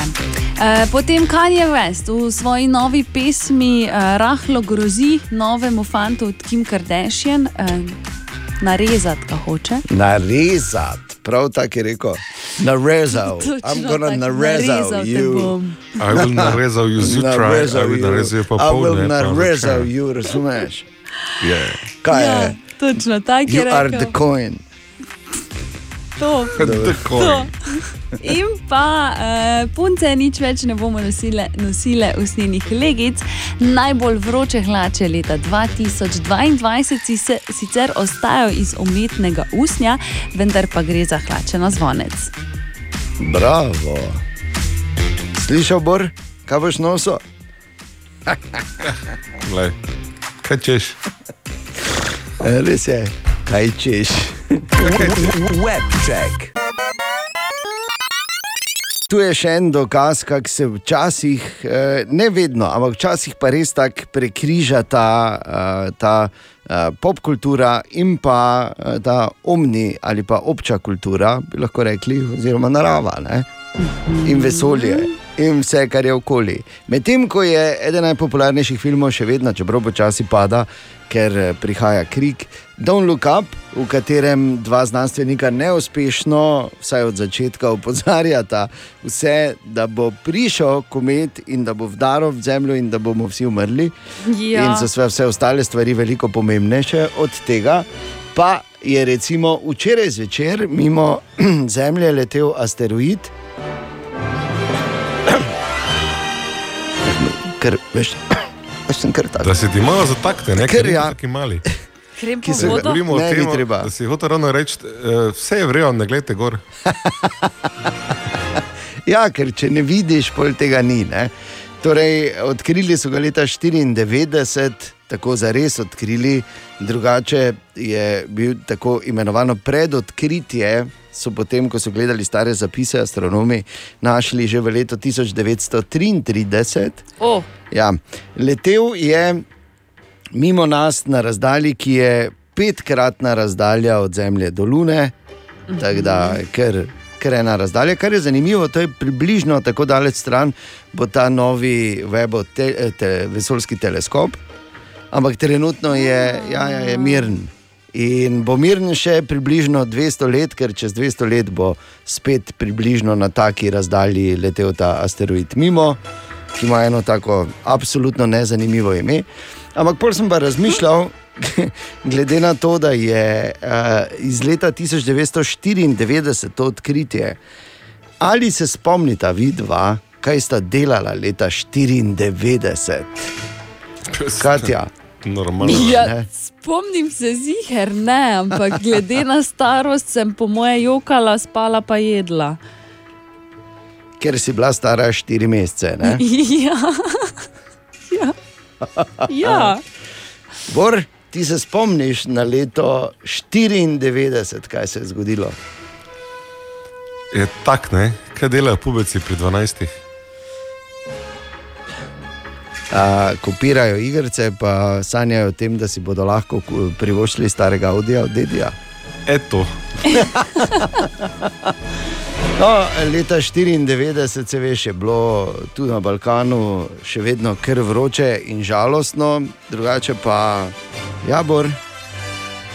Jaz sem že leto dni, če ki ne, ne leto dni. Ne, ne, jaz sem imel tri mesece izpit za avto in še vedno nisem smel kar tak v avto iti pa se peljati. Ker sem bil nevaren za okolico. Kaj si imel izpit za avto? Ja, leta imel že- 94, ja, jasno, da. Kaj pa misliš, Katja, medtem ko je ona bila stara dva meseca? Tako da, vidite, Štiri. ne? Dobro, pardon. Vidiš, torej imaš v bistvu en mesec eh, manj izpit, kot sem pa jaz stara. Dva Dobro, zdaj, meseca če se manj. res odkrito pogovarjamo, no, jaz sem že bil stari voznik takrat. Tako. Ja, no. Čeprav je bil drugi sistem, ampak zakaj se zdaj to pogovarjamo, tudi to je recimo lahko ena od debat zjutraj, ko pridete ali pa se vidite v službi in ob kavici, preden se zares zažene, čuješ. Se spomniš, kaj si ti delal leta 94 ali pa delala. In pol seveda, uh, jaz pa sem te že, kako pa danes pa ne, uh, kaj to ti danes vejo, kako smo mi. Tako da ja, Bor je bil stari voznik, to moram samo vedeti. Danes, odkar uh, več nima avta, pa je samo še star. Pa dobro jutro. Dobro jutro. Ena od treh, treh, treh. Jutranji sprehod po zgodovini popularne glasbe. In danes je bil poseben dan v zgodovini popularne glasbe. Leta 1943 se je namreč Joplinovim rodila mala Janis. Takrat še ni kaj ekstra kazalo, da bo, ne na zadnje, bil je vrhunec druge svetovne vojne, ampak kasneje je mala Janis, ki se nikoli ni zares znašla v tem svetu, ampak imela eno res neverjetno sposobnost, oziroma en neverjetni dar. In to je bil njen glas. Janis Joplin je postala v bistvu uh, legenda. No? Tudi zato, ker je članica tega zelo glasnega kluba 27, eh, pač glasbenikov, ki so umrli, stari komaj 27 let, ampak to je. Uh, to niti ni tako zelo pomembno, niti ne tako zelo redko. Mimo grede na to temo obstaja en zanimiv dokumentarec na Netflixu, ki ga priporočam, da si ga ogledate. Uh, uh, njena pijača, oziroma njeno orožje uh, po izbiri je bil Southern Comfort, uh, ki seveda ga lahko tudi danes koštaš, ampak samo koštaš, ne? ker veš, kaj se lahko zgodi. In pa, uh, kar je zanimivo, njen zadnji posnetek je bila rojstnodnevna čestitka za Johna Lennona. Eh, ki je bil takrat star 30, pravzaprav, ko je ona umrla, to je bilo leta 1970. Janis in njen neverjetno prepoznavni vokal, številnih legendarnih, kot je denimo ta o enem nemškem avtu. Oh Lord, won't you buy me a Mercedes Benz? My friends all drive Porsches. I must make amends. Worked hard all my lifetime. No help. Mimo grede, to je tudi ta zgodba, ne bor iz življenja uh, vas, Patricijev. Ne? Oh, vsi imajo Mercedes, jaz moram imeti Porsche. Ja. No, malo moram oh. biti drugačen. Ne? Ne, ne, obratno, vsi imajo Porsche, ti imaš imeti Mercedes. Okay, okay. Pa nazaj k Janis, recimo, try.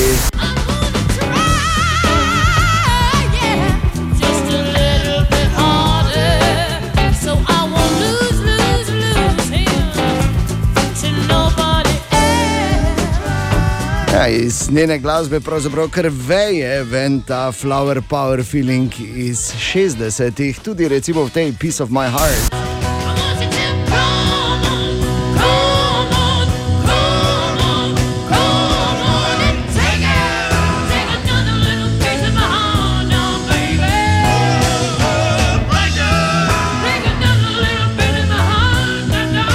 Njena največja uspešnica, verjetno največja uspešnica, pa je priredba country klasike Krista, Krisa Kristofersona. O enem, ko gre, pa štopa, pa dva štopata, pa ima, uh, pa ima umazano rutico. Vemo, o katerem govorim, Bobi? Kaj? Bobi? Ja, če tako gleda, cel čas tako, ko Bobi z uhicami. Tako. It's just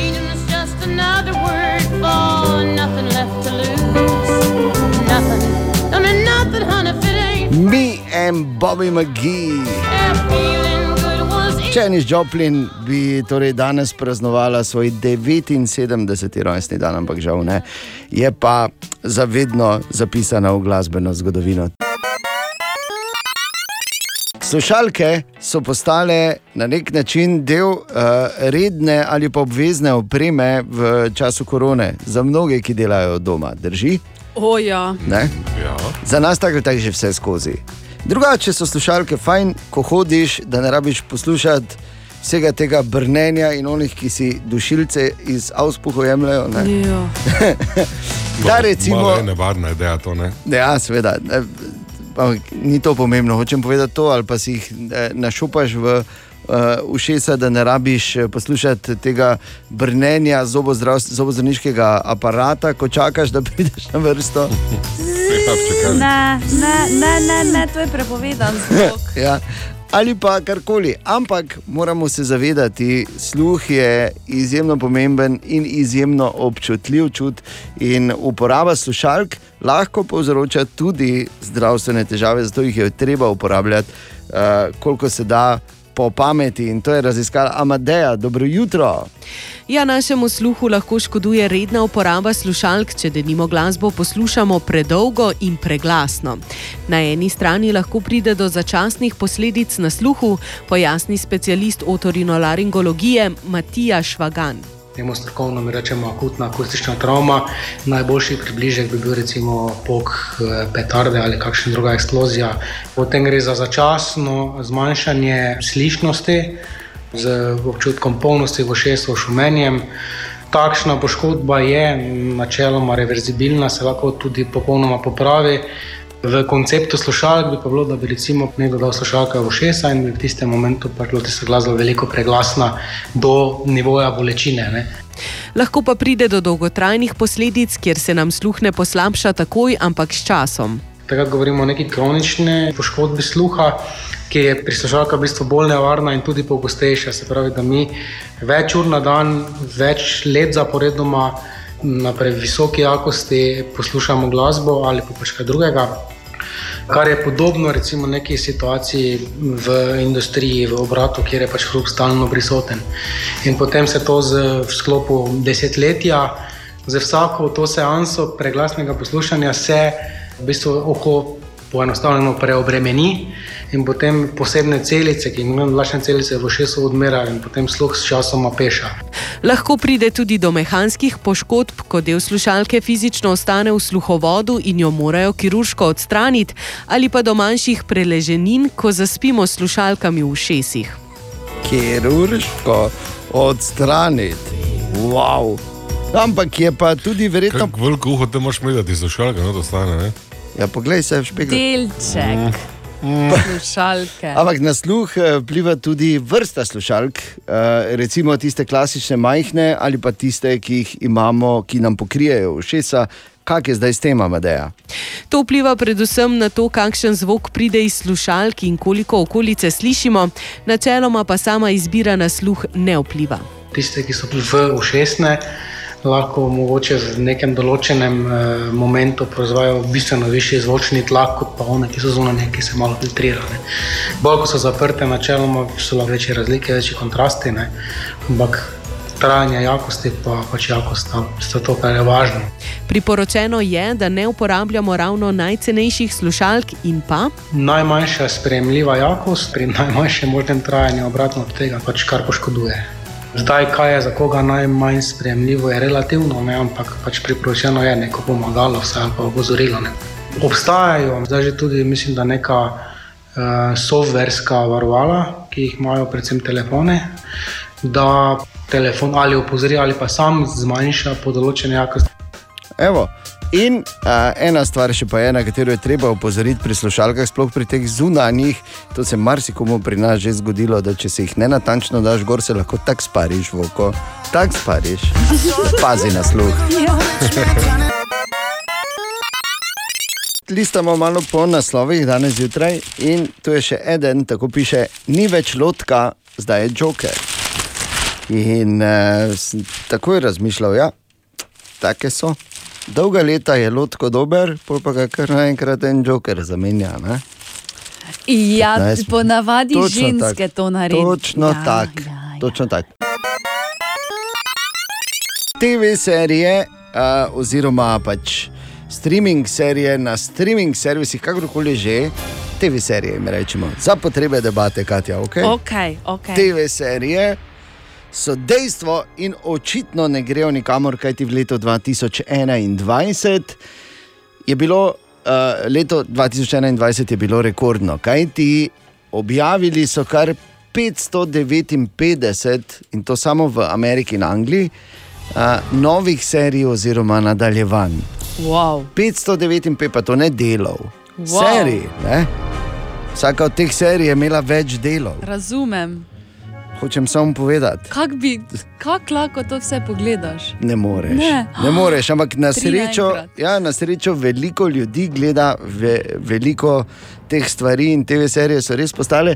In zanimivo, da se je prava bitka začela ravno z temi streaming servisi, z Netflixom, z Disneyjem, Plusom, z Apple Plusom oziroma Apple TV-jem in tako naprej.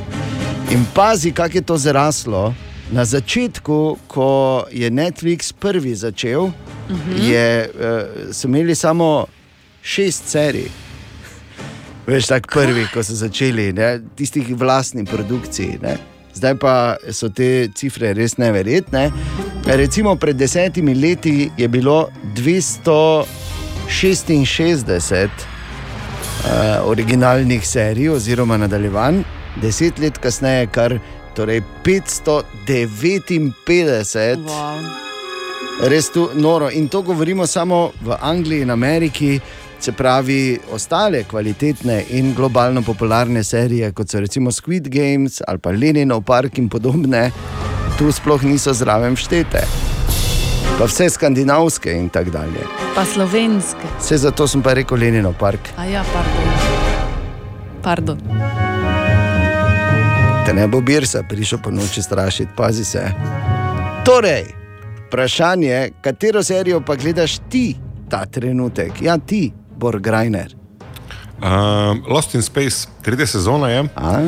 Super je. Mislim, taka limonada, klasična, ne? Nisem malo znanstvene fantastike, kot mama srad. Okay. Katja, E, jaz gledam eno britansko misteri dramo, Stay Close. okay. Nikoli ti, slišal. Ja. ti dejan, kaj pa ti gledaš? Jaz sem pa pravkar zaključil tretjo sezono Discovery of the Witches.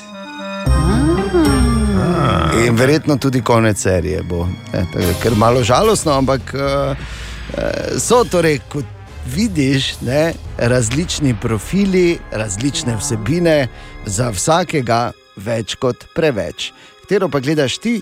Pridruži se naši debati, v kateri si izmenjamo mnenja in damo ideje na naših družbenih omrežjih. Pa dobro jutro. Dobro jutro. Dobro jutro. O, Tine! Ja, Tine, dobro jutro. Dobro jutro. Bravo. Ja, dobro jutro, Tine. Evo.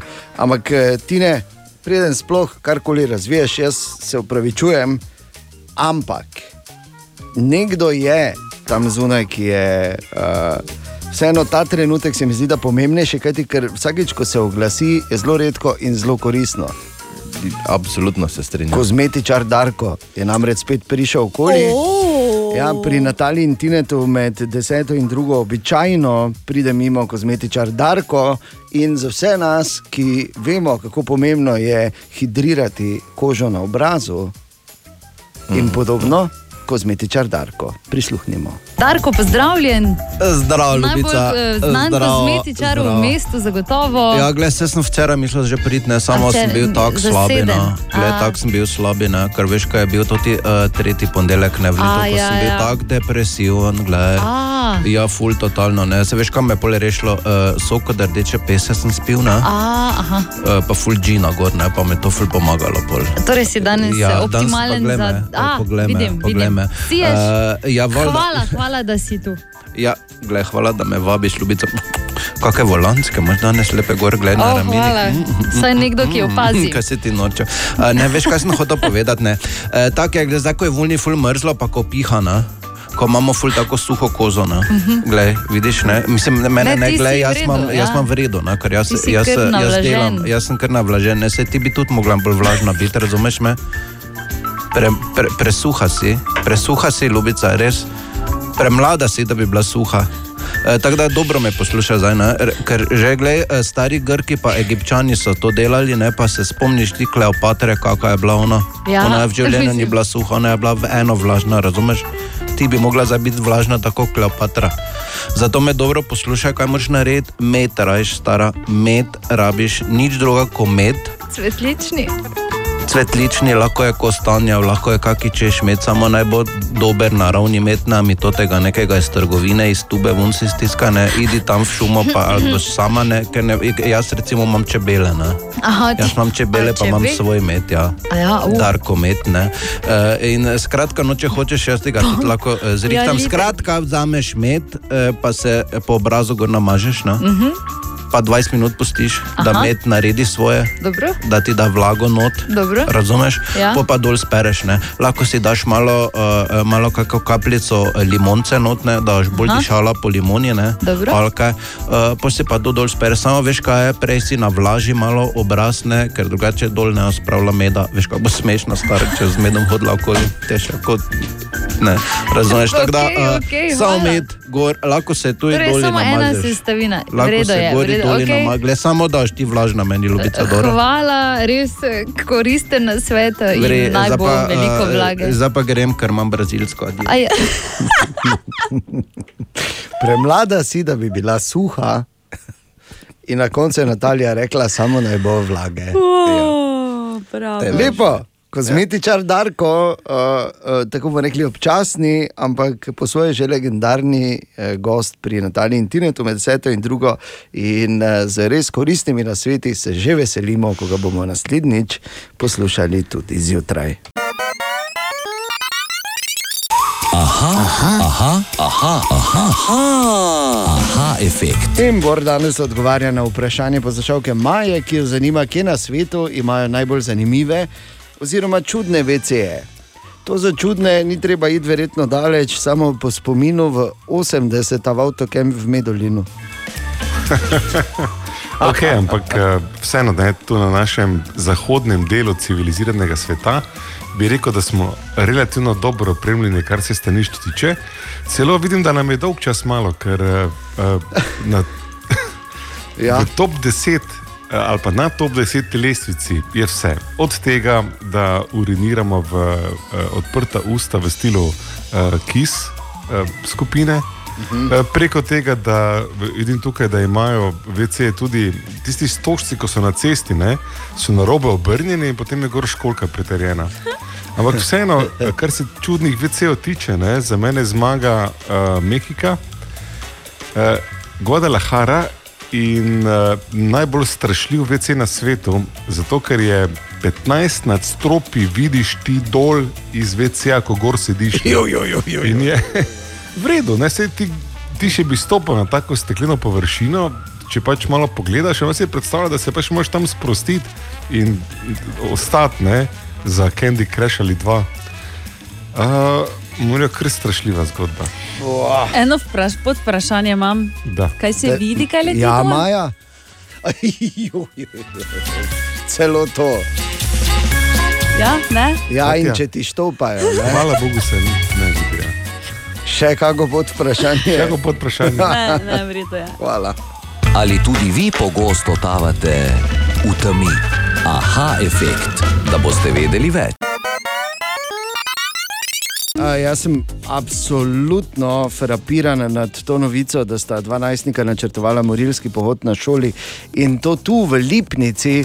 Ker ja. eno je, veš, ko to poslušaš, pa si misliš, ok, Amerika, daleč so, dosti jih je, verjetno je neka kritična masa. Pa, ampak ko se pa to začnemo pogovarjati o teh stvarih, in hvala Bogu, da so to rešili, preden bi prišlo do najhujšega, pa se potem človek vpraša enih par stvari. Prvo, da je seveda jasno, da so v tistem okolju, ko se nekaj takega zgodi, zatajili najprej starši, potem šola in verjetno skupnost kot celota.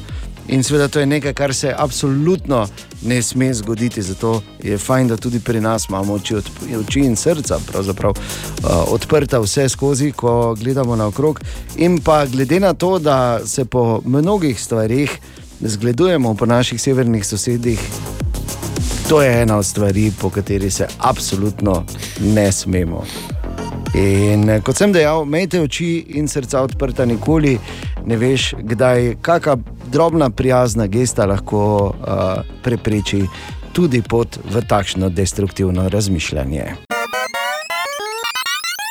Danes se začenja še en uh, kar velik športni dogodek, čeprav ne tako mainstreamovski, pa vendar eh, je to en tak šport, ki ga v Sloveniji igra res veliko, veliko uh, tako otrok kot odraslih in veteranov. eh, Na tekmovalni in pa predvsem na rekreativni ravni. To je futsal oziroma dvoranski nogomet. Danes se začenja Evropsko prvenstvo na Nizozemskem, kjer bo seveda tudi igrala Slovenija, ampak prvič brez enega in to lahko rečemo, brez uh, vsakih zadržkov legendarnih slovenskih futsalerjev, kajti Kristjan Čujec je potem, ko je za reprezentanco Slovenije zbral 126 tekem in dosegel 75 golov, rekel, da ima reprezentančnega futsala dovolj. In s Kristjanom smo tudi govorili in ga vprašali, zdaj, ko je konec in pred začetkom Evropskega prvenstva. Ko pogledaš nazaj, Kristjan, kaj ti je dejansko ostalo najbolj v spominu, ko govorimo o tvojih reprezentančnih nastopih? Ma, najbolj, kako bi rekel, tista prva tekma za reprezentanco, uh, to je že kar mislim, 2007. Uh, mi je ostala tako v spominu, ostalo pa ta Evropska prvenstva in mislim, da je tisto, kako bi rekel, vrhunec je, bil, je bilo Evropsko prvenstvo v Sloveniji, ker se je zbralo res ogromno ljudi, ker so nas prišli podpirati. In nekako je vse tisto delo, ki smo ga do takrat uložili, bilo poplačeno no, s tem prisotnostjo, predvsem prisotnostjo gledalcev in seveda posledično pa še tudi soliden rezultat. Ja, in če bi zdaj, recimo, Kristjan primerjala tisto prvenstvo, ki je torej bilo odigrano v Sloveniji, in pa prvenstvo, ki nas čaka zdaj. Um, jaz, bi, jaz bi rekel, da je zdaj teže doseči. Uh, več je reprezentanc, zdaj so štiri v skupini, dva greste naprej, medtem ko prej so, smo bili trije v skupini in sta šla dva naprej, tako deluje nekako lažje. Bi pa rekel, da glede na ostale skupi, skupine, uh, zdaj na trenutnem evropskem, so kar vse zelo, zelo težke. Uh, Futsal se vidi, da z leta v leto napreduje in prav gotovo se bo zmerila težje kvalificirati za Evropsko, uh, sploh pa tudi priti skupine naprej. Ok, in kdo je po tvoji, Kristjan, uh, favorit letos? Tukaj bi verjetno izpostavil kot favorita Kazahstan, glede na pretekle rezultate. Uh, mislim, da ima odlično kombinacijo tujcev in pa domačih igralcev, ekstremno hitro napreduje, uh, reprezentanca, tudi, tudi, tudi kot uh, klubi uh, kazahstanski. Naslednja ekipa je seveda tudi Italija, eh, ne smemo pozabiti. Za njo igra eden najboljših igralcev na svetu, to je Merlin. Tudi njih ni za odpisati, eh, čeprav eh, dosti igrajo po nekem toplo-hladno varianti. In potem je pa tukaj še Finska, ki se je v zadnjih letih tudi dvignila, postaja neka prepoznavna fucla reprezentanca. Kako bi rekel, nekako me spominja na nas v tistih najboljših časih, ko smo se res borili dali resnično vse od sebe in praktično bili reprezentanca v sponu. No. Tako da tudi z njimi bo kar, eh, kar velik eh, izziv no, za našo reprezentanco. Tako je naša reprezentanca, ki bo po dolgih letih, po več kot desetletju, torej po 15 letih, če smo natančni, prvič na velikem tekmovanju igrala brez Kristjana Čujca, ki je torej zaključil svojo reprezentančno pot. Kristjan, seveda nas zanima, kaj pa tvoji načrti za prihodnost. Uh, ja, pač v Dobovcu ostajam do konca sezone. Uh, zdaj moram reči, da ne razmišljam o koncu kariere, ker nekako težko vse usklajujem, družino. Eh, službo, nogomet, še nekaj šole je ostalo. Eh, tako da eh, prav gotovo pa neka želja ostaja, ja, da bi deloval še vedno v futsalu do konca karijere, mogoče v Tolminu, oziroma to je skoraj malo. Težko pričakovati, da se ponovijo tista zlata leta po Soči, ko smo imeli na praktično 20 km dve vrhunske ekipi, ki ste se borili za vrh. Eh, in se bojim, da tukaj dodatna ekipa, poleg Oplasta, ne, ne bo prišla v poštev. No. Eh, je pa vseeno, ja, želja ostaja, da bi se Punter ponovno, ponovno spravil skupaj in ga nekako bolj usmeriti na pot tiste stare slave, no, ki, ki jo je imel. Ja, Kristjan Čujec, torej, hvala lepa za tvoj čas, hvala za vse, eh, kar si dal slovenskemu futsalu. Verjamem, da je še veliko ostalo tudi v drugačnih vlogah. No, z nastope naše reprezentance na Evropskem prvenstvu v futsalu na Nizozemskem, ki se začenja danes, pa bomo jasno da spremljali tudi tukaj na Radio City ponovno iz našega letališča, odkuder bodo čez slabe pol ure proti Antaliji oziroma Beleku odpotovali naši pubeci na osrednji del priprav. Matej Šoba, Matej, zdravo. Ja, še enkrat lepo zdrav iz Mariborskega letališča. Preden se ukrca na letalo, sem ujel še športnega direktorja Marka Šulerja, ki nam bo postregel z aktualnimi kadrovskimi novicami. Zdaj se pravzaprav zadnje zadeve odvijajo ob prihodu v Turčijo. Uh, ja, v bistvu kadrovanje, kar se tiče prihodov, je zaključeno. Um, v bistvu se urejajo samo še zadnje stvari, um, glede dveh igralcev, Džordžeta in, eh, in Đorđe Ivanović. Ja, in, in uh, Stevana. Mm, tako da. Um, Stevan, če malo pojasnite. Mm, ena mlada, bom rekel, ukrepitev, eh, ki je lahko dodana velika vrednost. Mm. Preč takega igralca um, jaz osebno v naši šoli, niti na slovenskem prostoru, ne najdeš uh, visok in, in uh, zelo dinamičen. Tako da bomo videli, um, zaenkrat je z nami, če se izkaže. Um, um, bomo videli, potem, kako stvari naprej, dejstvo je, da um, bo dobil šanso. Ivanovič pa že preverjeno je ime, tukaj v Sloveniji smo ga že spoznali, žal v nepravem dresu, ampak zdaj pa bo v pravem dresu. Ja, želi popraviti to napako, bi, bi, bi rekli. Um, ja, v bistvu se samo dogovarjajo, um, kdaj lahko pride, um, se nam pridruži v Turčiji, danes ali jutri. Um, tako da je ena ukrepitev, se mi zdi, da upravim pomeno besede in, in um, tisti zadnji kanček uh, mozaika, da um, gremo to, kar želimo, se pravi borba za, za, za naslov. Morda samo še to, tudi ob odhodu Blaža Vrhovca je bilo vprašanje, kako zakrpati to. Zdaj, kot razumem, je plan zakrpati to z lastnimi resursi. Zaenkrat, ja, jaz mislim, da je um, pošteno in uh, tudi fanti, ki jih imamo, uh, od Maherja, Gorenaka, uh, Antolina, um, da dobijo šanso, ker, ker uh, prstopni rok se je šele začel, časa je še kar nekaj. Po drugi strani pa biti aktiven in spremljati stvari. Tako da um, se mi zdi, da je rešitev kar dost. Hvala lepa, Marko, srečno pot in pa uspešne priprave. Hvala enako. Ja, hvala, Matej. Torej, naj samo povem to, kar je vmes med pogovorom z našim športnim direktorjem eh, Šulerjem Ružlo. Zadaj ni bilo letalo, s katerim grejo v Turčijo, ampak eh, tisti prehistorični vlakec, s katerim vozijo prtljago. Tako da mirno, da ne bi to mislil, da je za, za kurblo pilot. Mirno.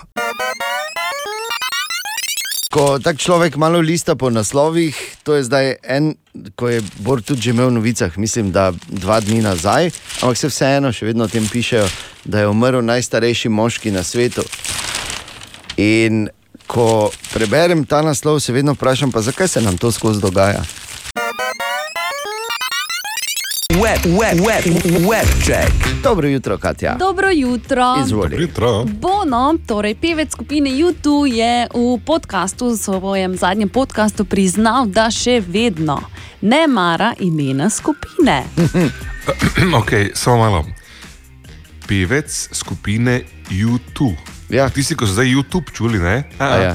Pevec skupine YouTube. Ja, oziroma roken, legendarnega, kultnega rock'n'roll fenomena iz Dublina, ki je začel igrati skupaj v srednji šoli v 70-ih. In še vedno, 70-ih. sicer ne tako več pogosto, ampak še vedno. In da je bil trikrat na njihovem koncertu. Bravo, o tem bendu se pogovarjamo. O YouTube. tu. Tako. Ja, nisem se zmotila. Ja, približno, Ne, vem, vem, ne. To je mi je pa jasno. Okej, no. Bono to, kaj pravi Bono? Eh, No, torej rekel je, da še vedno sovraži ime skupine in pa da um, do nedavnega nazaj niti ni bil zadovoljen s svojim glasom. Ja, v redu. Zdaj je pa je komaj Je dober pa, postal. je pa kar daleč prišel. Ne. Ja. Jaz tudi nisem, pa gled mene, ki sem jaz, ki pa je on. Samo za primerjavo. Okay. Um, po Um, drugi strani, jaz pa ful sem zadovoljen, pa tudi nisem za nekam prišel, ne? tako da veš, ni pravila. Ne. Res ni pravila. Ne? Uh, včeraj smo na, eh, tako v Etru, kot tudi na naših družbenih omrežjih med drugim debatirali na temo serij. Aha, in o tem, da, letu, da je bilo leto 2021 rekordno, ker so jih skoraj 560 originalnih serij, oziroma nadaljevanj samo v uh, recimo Ameriki in Angliji sproducirali. Ne? Točno to, in potem smo govorili tudi o naših najljubših serijah. Ali ne? pa teh, ki jih trenutno gledamo. Tako, in poklical nas je poslušalec, oziroma poklical me je poslušalec. A te? Jo, zdravo, pozdravljen, Siti, zdravo. Sprašujete za serije, kjer je najraje gledamo.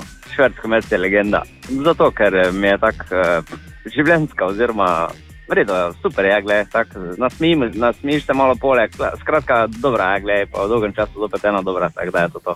No, odlično, hvala lepa, če Ja. ja. kdo ni vedel. čvrst komerc. Pa, če kdo rabi kakšno idejo na našem Facebooku, še vedno lahko pogleda, če bi kaj gledal. Recimo, Ali pa, časa, ne. ali pa še napišeš, ne? Ali pa še napišeš, Katero ja, gledaš ta podeliš. trenutek? Tako. Znanstveniki verjamejo v tom, da je bil Mars pred tremi milijardami let moker in hladen, ne tako kot danes vroč in suh. Ja.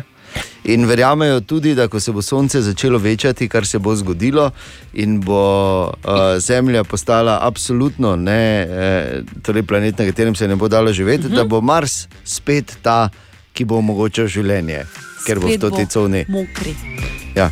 Spet bo mokri. To je ta uradnik, ko sem bral. spet. Ne veš, ko sem bral, je pol na koncu pisalo. Ne, in vse te eh, hude besede in znanstveni pol na koncu, so we are concluding, spet bo mokri. Ja, da bomo razumeli. Ne? Ja, v redu. In pa pazi, to poroka že po drugem zmenku. Kitajski par je namreč zaradi strogih omejitev, eh, seveda zaradi COVID-a, neprostovoljno pristal v, na podaljšanem zmenku. Dobro. Eh, zaprli so ju v stanovanje tega fanta, ki je bil na zmenku. Glejte, imen vam ne bom brala, ker vseeno, brez ja. veze. Uh, torej, več kot mesec in pol sta bila zaprta skupaj v stanovanju, in uh, ja, zdaj sta ugotovila, da sta v bistvu sorodni duši in se bosta kar poročila. to sta samo dve možnosti bili, ne? Ali se poročita, ali se pa zakoljeta. Tako da, hvala Bogu, je bila ta prva. Res je, res je. Webček. Vse me je strah vprašati, ampak če obstaja fenica Harryja Potterja na tem svetu, je to Katja. Ne? Mhm. Ja. Daniel Radcliffe, vemo kdo je. Harry Potter. Hvala lepa. In to Ali je edino je njegovo pravo ime. ne? Ne, Kaj si rekla, pardon? To je edino njegovo pravo ime. Harry Ta- Potter. Tako. Ampak Harry Potter je zrastel. Ne? Harry Potter je, kot je rekel Bor, ne, tudi nagi jezdil belega konja na odru. Za potrebe gledališča, ampak se vseeno. Ne? Vseeno. Bil Harry nagi. Potter uh, je, to je res taka uh, ikonična vloga, da kjerkoli ga vidiš, si misliš, zato si je verjetno brado pustil. Ne?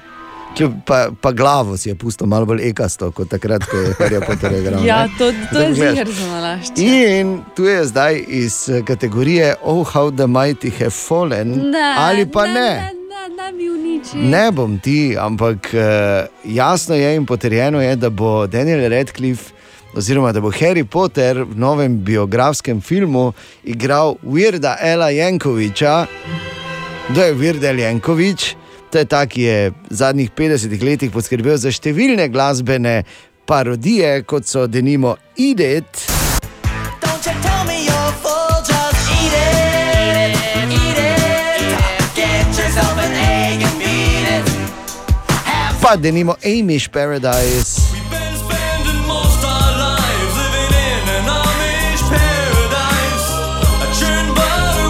In pa jasno, nesmrtno, which Backstreet Boy is gay. Don't ask me which backstreet boy is gay. Tell me who ain't saying that it's AJ. Tell me No, vse je zabavno, ne? Ne bom delila svojega razmišljanja. Ne rabiš, samo hočem ti povedati. Ne? Še včeraj je Harry Potter, Ja, ne. danes že Virdel Jankovič. To je lahko, lahko v bistvu tudi naslov tvoje biografije, Bor. Še enkrat dobro jutro in dobrodošli. Dobro jutro in dobrodošli. Tako, in dobrodošli v svetu, kjer se stvari lahko spremenijo. Bomo rekli takole. Ker naslednjo soboto se še spomnite časa, ko so rekli: Vzemi račun, če ne vzameš računa v trgovini, pride inšpektor in uh, postavi tebe in celo tvojo družino pred zid in te na mestu eksekutira. Ja, skoraj tako. Ja. Približno tako je ja. bilo. Ja. Od te sobote naprej, pa sploh ne da ne boš rabo imeti računa, sploh tisti, ki ti karkoli prodati, ne bo rabo natisniti računa več, nikjer. Razen če boš to izrecno zahteval. David, dobro jutro, povej. Ne bo potrebno razen na izrecno željo stranke. Se pravi, če boš zahteval račun, bodo v poslovalnici oziroma kjerkoli si še vedno primorani izdati ta račun. Ampak kljub temu na Zvezi potrošnikov Slovenije menijo, da je lahko ta sprememba za ljudi škodljiva. Tomaš Jakin iz njihove svetovalne pisarne. Tukaj gre zdaj za popoln obrat, a ne, kjer, je, um, kjer je breme na potrošniku, da se spomne in račun zahteva. a ne. Zdaj, če ga ne in da ga tudi ne prejme, imajo pa lahko seveda potrošniki težave. Eno je s preverjanjem, kaj so sploh, a je bilo pravilno zaračunano nekaj, a, ne, je, je pravilna postavka na računu. Skratka. Um, ta vidik, drug je pa kasneje, če želijo recimo uveljavljati kakšno napako, garancijo ali pa mogoče v primeru kakšnega um, zavarovalnih zahtevkov in podobno.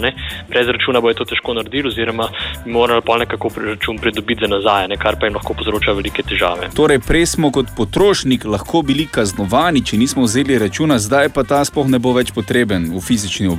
Tako, ampak zdaj pa če privzamemo eno um, hipotetično situacijo. Jaz grem kupiti pravilni stroj, ker to pač delam, kupujem pravilne stroje, redno. Ne? Mislim, Ob potem torkih se znam. običajno. Ja, Redno kak je torek, sreda, torek, sreda, odvisno. Ne? Okay. Pač grem, pač moraš imeti. Ne? Če nimaš 30 pravilnih strojev, nimaš nič doma. Ne? Pač so mene naučili in to je ta lepa lastnost, ki se moraš držati. Okay? Ti pereš V redu, la- celemu fragu. Jaz perem vsem. In vsi perejo meni. Okay, lav, zdaj, Ja, ja, ja, seveda, okay. seveda, Ko grem pardon. po pravilni stroj, recimo, zdaj, do zdaj sem vedno dobil račun in sem ga hranil, ker je bila tudi garancija in sem in tja. Zdaj pa bom šel po pravilni stroj, recimo naslednji teden, ker bo torek prišel, torek Mhm. se kupuje. Mhm. In ne bom dobil računa, in potem uh, ali ga bom pozabil vzeti, ali ga pač ne bom dobil, ali ne bom izrecno zahteval. In potem je s tem pravilnim strojem nekaj narobe, in pa pač račun načeloma rabiš. David, kaj pa v tem primeru?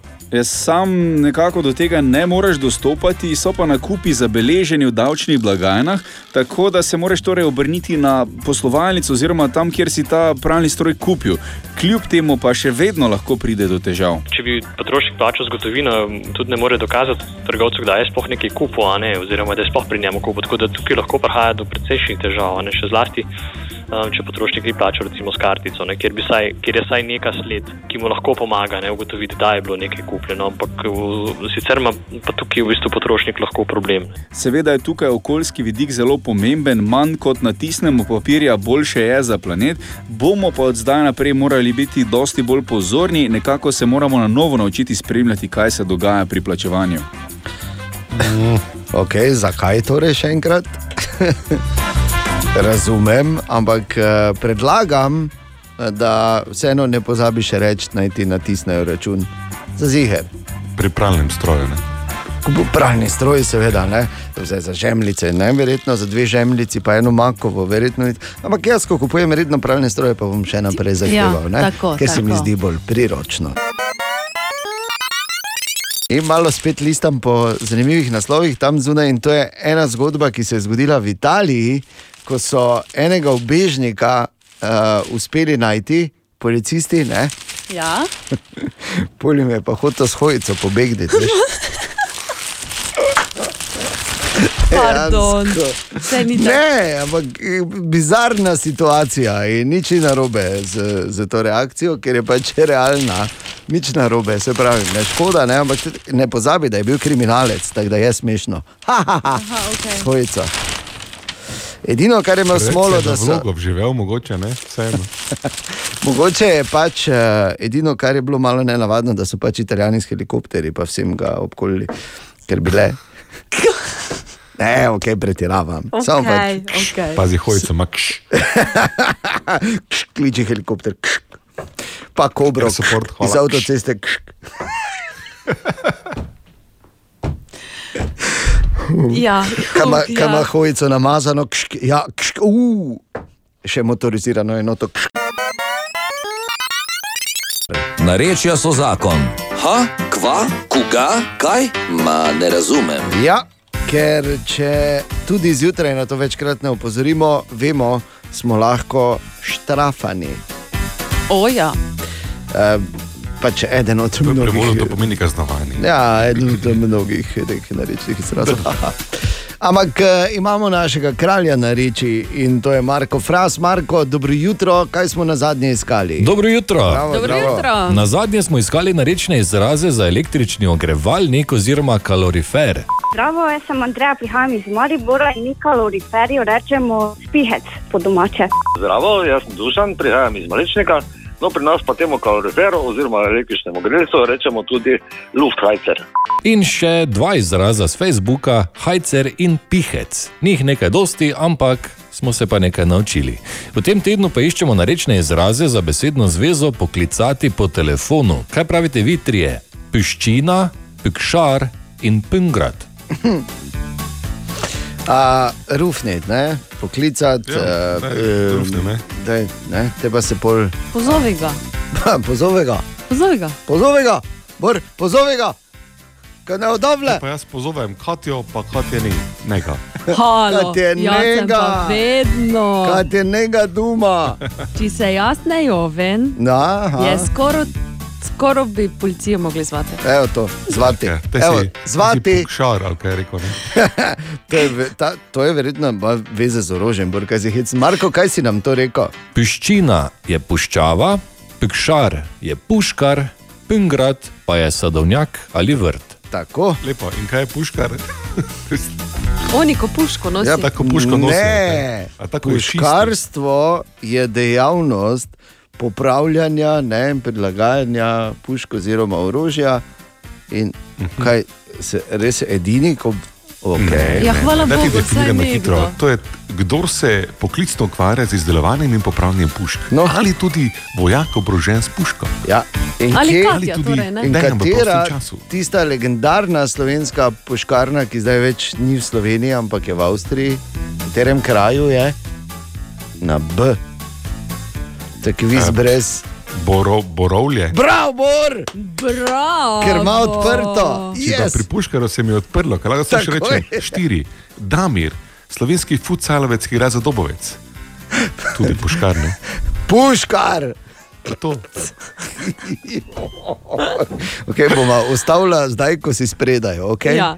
Drugač pa ne pozabi, da reče so zakon vsak dan na Radio City, predvsem frasi med Varšavo, po drugi. Ha, koga? Ma ne razumem. Narečja so zakon. O, Tine! Tako, dobro jutro. Dobro Tine. jutro. Pozdravljen. Ja, zdravo, Tina. O, Zdravo. O, Bor. Kak je? Okay. To smo že rešili, uh, že Kaj? prej, tako da gremo. Je vrel, Tine? Ja, Evo, Kimo, super, kaj dela? Zakaj tiho? Če pa- O moj bog. Tine, Zato, ker nekdo preveč govori. Ja. pa če sem ga samo vprašal. Kaj imamo danes, Tine? Kaj, kakšna so tvoje razmišljanja? Najprej povej, preden nam uh, poveš zanimivost. Kaj je recimo bila prva stvar danes zjutraj, s katero si se obadal?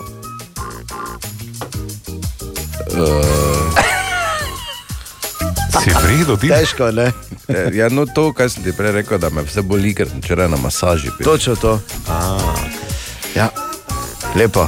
Te najprej veš, ono, ko zjutraj, ko še spiš, pa se obrneš, pa te vse boli, ko se še ne spomniš, da si bil na masaži. Pa, tak, pa si preveč korajžen. Zakaj, me- ne, pa, ne veš, zakaj te boli. Zakaj me zdaj boli? A, okay, A, zato. zato. Dobro. Upravičeno me boli. Ne? Upravičeno me boli. Ja. Ja, lepo, lepo. Se je tudi bolj spraševal, vsake toliko ne. Mm, razumem zjutraj, upravičeno me boli. No, vidiš.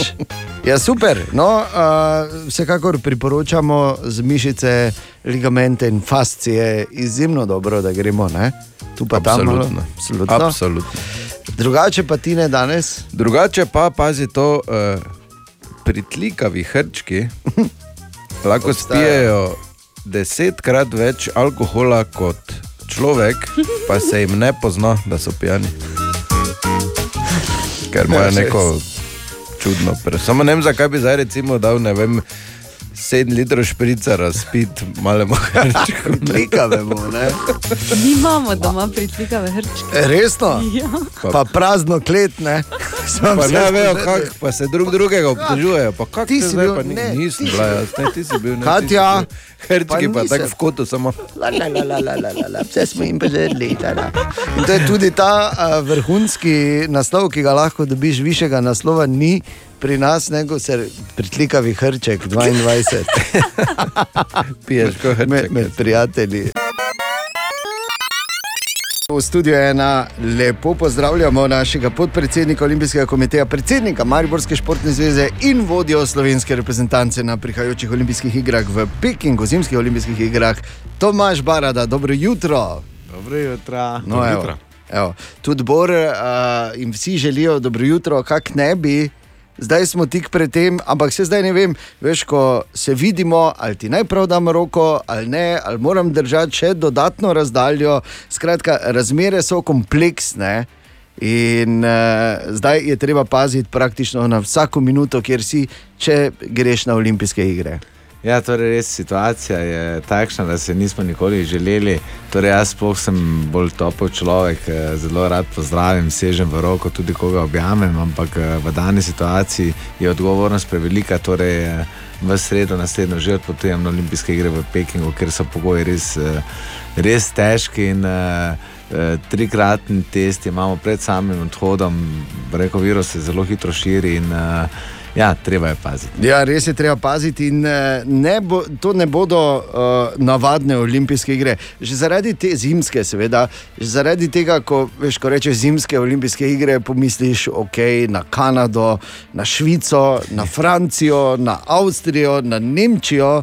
Ne pomisliš na Kitajsko, in to bodo po eni strani olimpijske igre, ko nič ne bo za res skupaj, ko bodo razdalje gromozanske, še večje kot so bile denimo v Tokiu, in po drugi strani bo vse skupaj uh, bodo krojili ti korona ukrepi.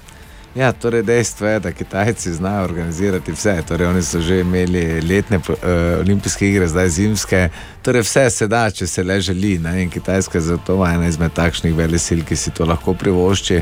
Da pa se bodo igre same razbile, pa tudi drugo dejstvo. Torej, tudi ne bomo vsi bivali na istem mestu. Uh, tako da bo delo, bom rekel, nas kot uh, vodje oziroma uh, delegacije, ki bo spremljala športnike, zelo težko. Ampak temu se bo treba privaditi. Uh, ne bo razlike med nami in med ostalimi reprezentancami. Tako da ocenjujem, da pač bomo morali se prilagoditi vsemu in izkoristiti najboljše, kar se bo dalo. Ja, ampak če primerjaš, recimo zdaj relativno skupaj bodo, ker olimpijske igre v Tokiu so praktično bile pred pol leta, zdaj spet prihajajo nove olimpijske igre in tudi tam si bil zelo tesno. Uh, povezan z uh, samo organizacijo oziroma vodenjem slovenske reprezentance, to bo zdaj nekaj čisto drugega in verjetno najtežje ali pa največji, največji izziv do zdaj. Ja, torej jaz bi lahko rekel da, rekel, da sem že opravil vajo, vajo, če rečemo, kar se tiče COVID ukrepov na japonskem, ampak opozorila, ki jih dobivamo zdaj, da je to bila res samo taka testna vaja Hm. za, za vajence, ne, ki Hm. pač nekako nič ne vedo o tem, eh, zdaj nas pa zagotovo čaka bistveno večja. Uh, večja pravila, ki jih bomo morali upoštevati, in uh, Kitajci se ne igrajo, tam so pravila napisana in teh ne moreš grešiti, in pogajanja ni. Ne na zadnje je nedolgo nazaj v vlogi delegata na eni od borderskih tekem, tam bil tudi isto kvas in na nek način prinesel prve informacije ali pa informacije iz prve roke, kaj čaka vas potem tam. Ne? Ja, torej isto, ki je res uh, že bil v Pekingu, tudi je, bil je povabljen, bil je povabilo, da bi na teh igrah pomagal in uh, delal, ampak žal zaradi vsega, kar se je tam dogajalo, se je odločil, da mu to v življenju ni potrebno in da ni vrednosti, ki bi lahko bila plačana za to, da bi on tam bil. Ampak jaz nekako rečem, jaz sem človek, ki se prilagajam, sprejemam ukrepe za ki bo pač postavljen in te gre želimo speljati najboljše za naše športnike in seveda za našo državo. In kaj to pomeni, in kateri so tisti, na katere najbolj računamo, kje bodo no, vse to uh, s Tomašem Barado v nadaljevanju. Naš podpredsednik Olimpijskega komiteja, predsednik Mariborske športne zveze, In še bi lahko naštevali, predvsem pa vodja eh, slovenske olimpijske reprezentance na zimskih olimpijskih igrah v Pekingu, Tomaš Barada, naš gost, še vedno dobro jutro, Tomaš. Dobro jutro. Torej, eh, zimske olimpijske igre so praktično tukaj, kot smo že ugotovili, to ne bodo navadne olimpijske igre, eh, ampak vseeno si obetamo, da bodo vseeno uspešne za nas. Ne na zadnje, če se spomnimo, ko so bile letne v Pekingu, smo bili kar veseli. Ne? Ja, torej, res je, kar se tiče eh, Tokija, smo bili zelo ponosni na naše športnike, rezultate, ki so jih dosegali, ne samo teh pet odličij, ampak vse, vsi ostali rezultati, ki so bili res vrhunski. Jaz sem pripričan, da imamo ta zmagoviti naboj tudi za Peking in da bodo naši športniki pokazali to, kar zmorejo in eh, dejansko dokazali, da sodijo v sam vrh eh, tega športa. Ja, absolutno. In uh, imamo nekaj glavnih uh, favoritk in favoritin za medalje, tu so skakalke, skakalci. Pol sta tu obe tekačici, oziroma šprinterki, ne, tudi Ana Marija Lampič, recimo v uh, solo, uh, solo tekih, sploh v šprintih. Uh, koliko, tako, koliko imamo, oba borderja, jasno, da uh, imamo kar nekaj kandidatov, no, ampak realno, ko ste se pogovarjali, koliko bi bilo fino, da bi prinesli medalj domov. Ja, torej jaz eh, osebno ne, eh, zelo težko napovedujem medalje, oziroma nimam rad eh, teh, eh, ja, želimo si to, želimo si, da bi bilo toliko medalj. Jaz si želim samo, da vsi športniki, ki tja potujejo, dosežejo to, kar so sposobni. Torej, da pokažejo svoje znanje in da bo ta dan njihov dan, ko bodo v najboljši formi in da se bodo vse tiste zvezde srečne nekako zložile in eh, da bodo dosegli to, kar si želijo. In če bodo dosegli to, kar si želijo, moramo vsekakor biti na njih ponosni, kajti za to so delali in jaz sem prepričan, da bo od teh kar nekaj medalj. Moramo povedati, da bo, kot to je menda jasno in smo nekajkrat že omenili, bo dejansko koronavirus oziroma ta COVID krojil razplet teh olimpijskih iger. Ne na zadnje, mnogi na olimpijske igre ne bodo šli in prvi primeri se, so se že zgodili tudi pri nas. Ja, torej dejstvo je, da se virus uh, zelo hitro širi. Torej, če lahko samo povem, da sem uh, potreboval reprezentanco uh, na zadnjem izvršnem odboru v torek in reprezentanca je bila kompletna. Torej, naslednjo Mm. noč sem že dobil sporočilo za pet odpovedi zaradi koronavirusa. Tako da te številke se bodo vsekakor spremenjale vse do samega odhoda. Uh, torej, uh, tudi novo potrjevanje novih imen uh, bo tukaj. Je pa dejstvo, da da so takšne pogoji, kot so ne samo v Sloveniji. Jaz mislim, da se cel svet obada s tem in jaz upam, da bodo ti športniki, ki so res trdno garali in si zaslužijo osvajati na tem prvenstvu medalje, imeli možnost, da bodo tam nastopili. Absolutno in uh, seveda je osvajanje medalj zahvaljujoč uh, seveda, aktualnemu predsedniku Bogdanu Gabrucu, tebi in ostali ekipi, tudi za slovenske športnike, zdaj le vseeno malo bolj, bomo rekli, upravičeno ali pa pravično nagrajeno. Ne? Ker spomnimo se, včasih je to bilo. Malo slabše, ne? Malo slabše. Malo slabše, rečemo. Ne? Ampak seveda še ni to, to in verjamem, da se bodo te stvari tudi na tem področju razvijale. Zdaj, rezultatsko, uh, kakšne so kaj napovedi, recimo tudi iz ostalih, če imaš morda informacije. eh, Taborov oziroma naj, najmočnejših zimskih reprezentanc gredo vsi najmočnejši asi, ali so tudi Kitajci zaskrbljeni, da bo po kvaliteti vse skupaj zelo vprašljivo letos. Torej, olimpijske igre, vsekakor je to vrhunec eh, vsega, kar lahko športnik eh, doseže in eh, zagotovo si želijo tajti res vsi najboljši. Da vsi nekako, eh, da vse skrbijo iste težave, zdravstvene težave, drugo dejstvo. Torej, Kitajci se vsekakor s tem ne obremenjujejo. Jaz mislim, da imajo oni v dani situaciji še bistveno več problemov, kako bodo to prvenstvo organizirali, ker za njih je to vsekakor nekaj novega, sploh kar se tiče zimskih olimpijskih iger, ampak uh, pripričan sem, da bo na to prvenstvo prišlo res najboljša smetana našega uh, zimskega športa, ne našega, torej svetovnega zimskega športa in da bodo vsi gledalci lahko uživali ob teh nastopih. Ja, gledalci eh, pred TV ekrani, eh, tudi, eh, ker spomnimo se, ne, v Tokiu eh, si dejansko posod bil zraven, se veselil s temi našimi športniki. Eh, to so bile eh, fotografije, ko ste pač objokani, skakali, se dvigovali in tega verjetno zdaj ne bo ne, na zimskih olimpijskih. Ja, v bistvu bo eh, načeloma, glede na to, da je situacija na večini prizorišč, ker bodo naši športniki nastopali odprta. V A. tem primeru odprta pomeni, da nismo v zaprtih prostorih, torej na, eh, na tem nivoju, kar imamo danes, zadnje informacije, bi lahko športniki spremljali svoje, bom rekel. Prijatelji iz eh, reprezentance, je pa dejstvo, da je tudi strah med njimi zelo velik. Mm. In, uh, vprašanje je, kdo si želi riskirati, da Ja. svoj nastop za Ja, res je. pogled drugega. Da ti, ja, absolutno. In tako, da, kot smo rekli, bodo drugačni. Verjamem, da bo uh, vse skupaj sicer minilo fenomenalno pod odličnim vodstvom. Jasno, ti potuješ tja kot vodja reprezentance. Tako da, Tomaš, uh, ob koncu morda še ena prošnja. Če se spomniš, ko so bile olimpijske igre v Tokiu. Eh, Sem te vsak dan eh, nadlegoval z nekimi vprašanji, ampak si vseeno, kljub na- natrpanemu urniku, našel čas, da si malo povzel dogajanja. Ali je mogoče, da se to zgodi tudi na teh olimpijskih igrah v Pekingu, da dobimo informacije iz prve roke, uh, direktno iz prizorišča? Torej, jaz prvi vrsti moram priznati, da sem še vedno Mariborčan in da Radio City me spremlja, bom rekel, celotno mojo športno kariero. Eh, Torej, že ko sem eh, bil na samem začetku, ko še nisem bil svetovni prvak, mi je Radio City pomagal in najraje smo ga poslušali. Tako da to bom eh, z velikim veseljem naredil. Torej, za kakršno koli vprašanje bom vedno na voljo in jaz upam, da bom zjutraj zbudil naše Mariborčane z dobrimi novicami iz Pekinga in pošiljal vsak dan poročilo. super, hvala lepa, rešeno. Kušniga. ne, sinoč. Kušniga, samo kušniga. Bor je rekel, te moram kušniti, samo te ne bom. Zdaj ne sme. Tako, kot si norče gre Peking. Okay, ja, Tomaš, še enkrat najlepša hvala. Uh, se upravičujem za te slabe šale, uh, ampak uh, predvsem pa veliko, veliko uspeha, uh, zdravja in da bi se vrnili tudi iz Pekinga, vsaj tako veseli, kot ste se vračali iz Tokija. Najlepša hvala tudi vam in lep dan naprej. Danes je petek, 21. januar.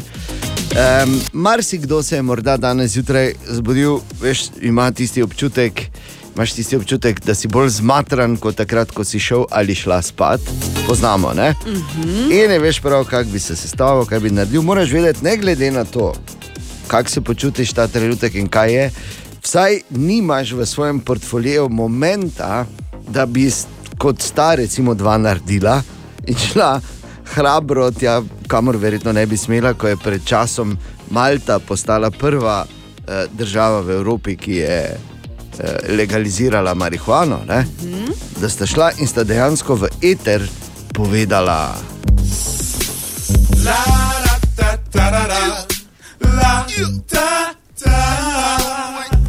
Matalala, matalala, la la mata. Vsaj to, vsaj, Vsaj to to. nisi, tako da mirno. Ko rečemo romantični filmi, to doskrat rečemo, ker imamo radi. Ne?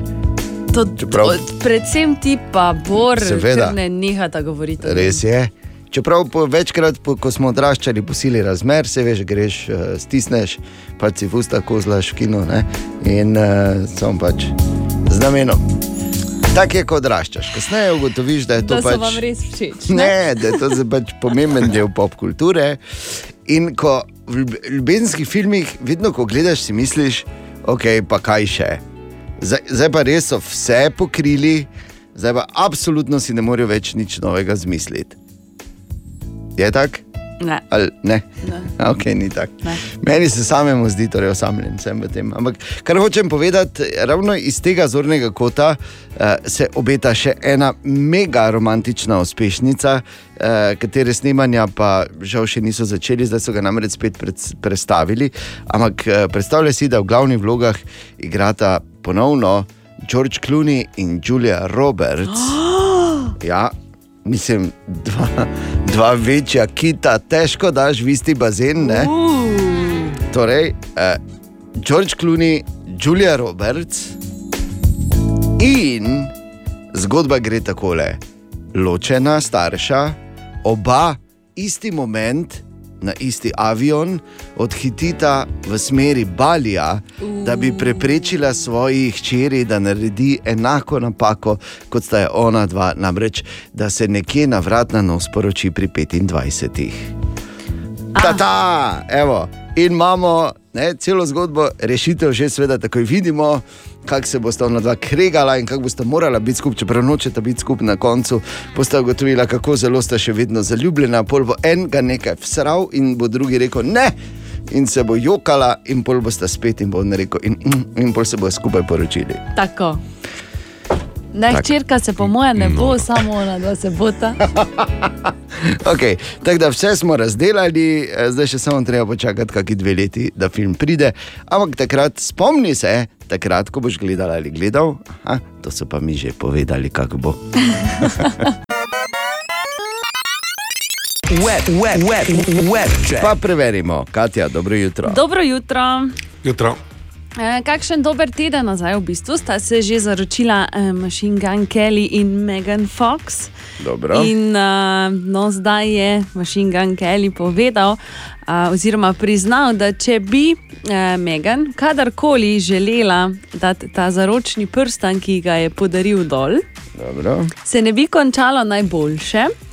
Kaj ti uh, v njega je vstavil takšne, um, On osebno, mislim, dal je narediti noterno, Ja, ja. trnčke, trničke.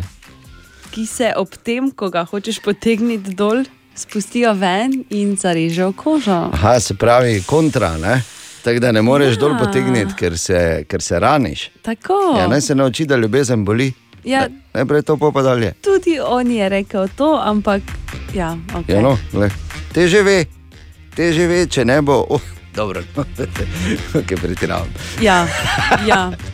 Tako. Ampak to je sama po sebi uh, pač smešna zgodba ljudi, ki absolutno ne živijo v realnosti. Popolnoma. Potem, recimo v Londonu, si lahko ogledaš prvo razstavo o videoigri Fortnite. Lepo.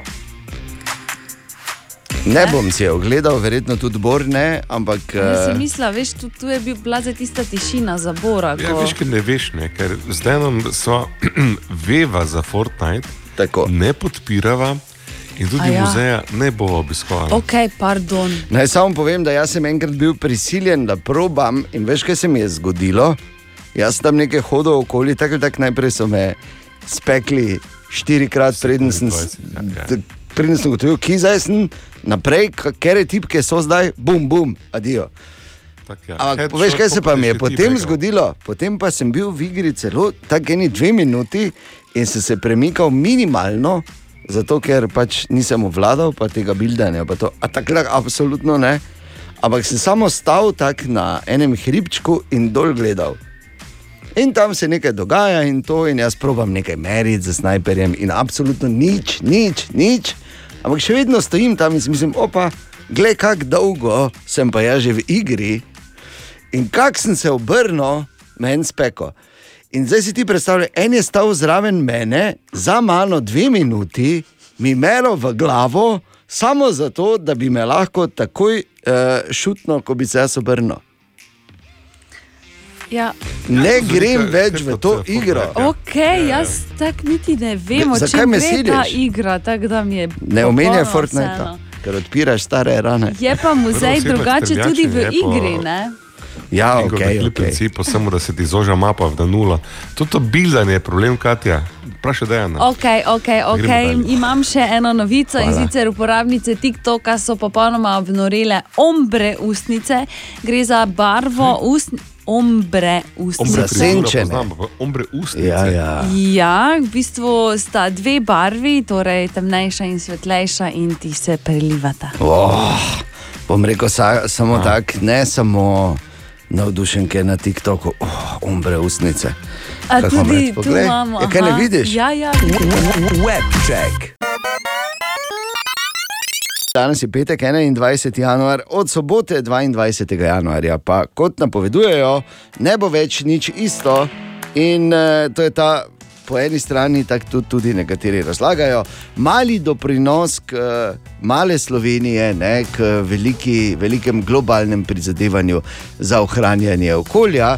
Namreč od jutri več ne bo treba tem, ki nudijo storitve, usluge ali pa seveda prodajajo dobrine, izdajati računov v papirnati obliki, razen če boš to izredno želela ali želel. In uh, seveda to samo, ne samo, da odpira številna vprašanja. Uh, upam, da ne povzroča nekih dodatnih problemov. Ampak mi smo šli malo na ulice našega mesta in poprašali občanke in občane, ali to že poznajo in kakšni so ob tem občutki.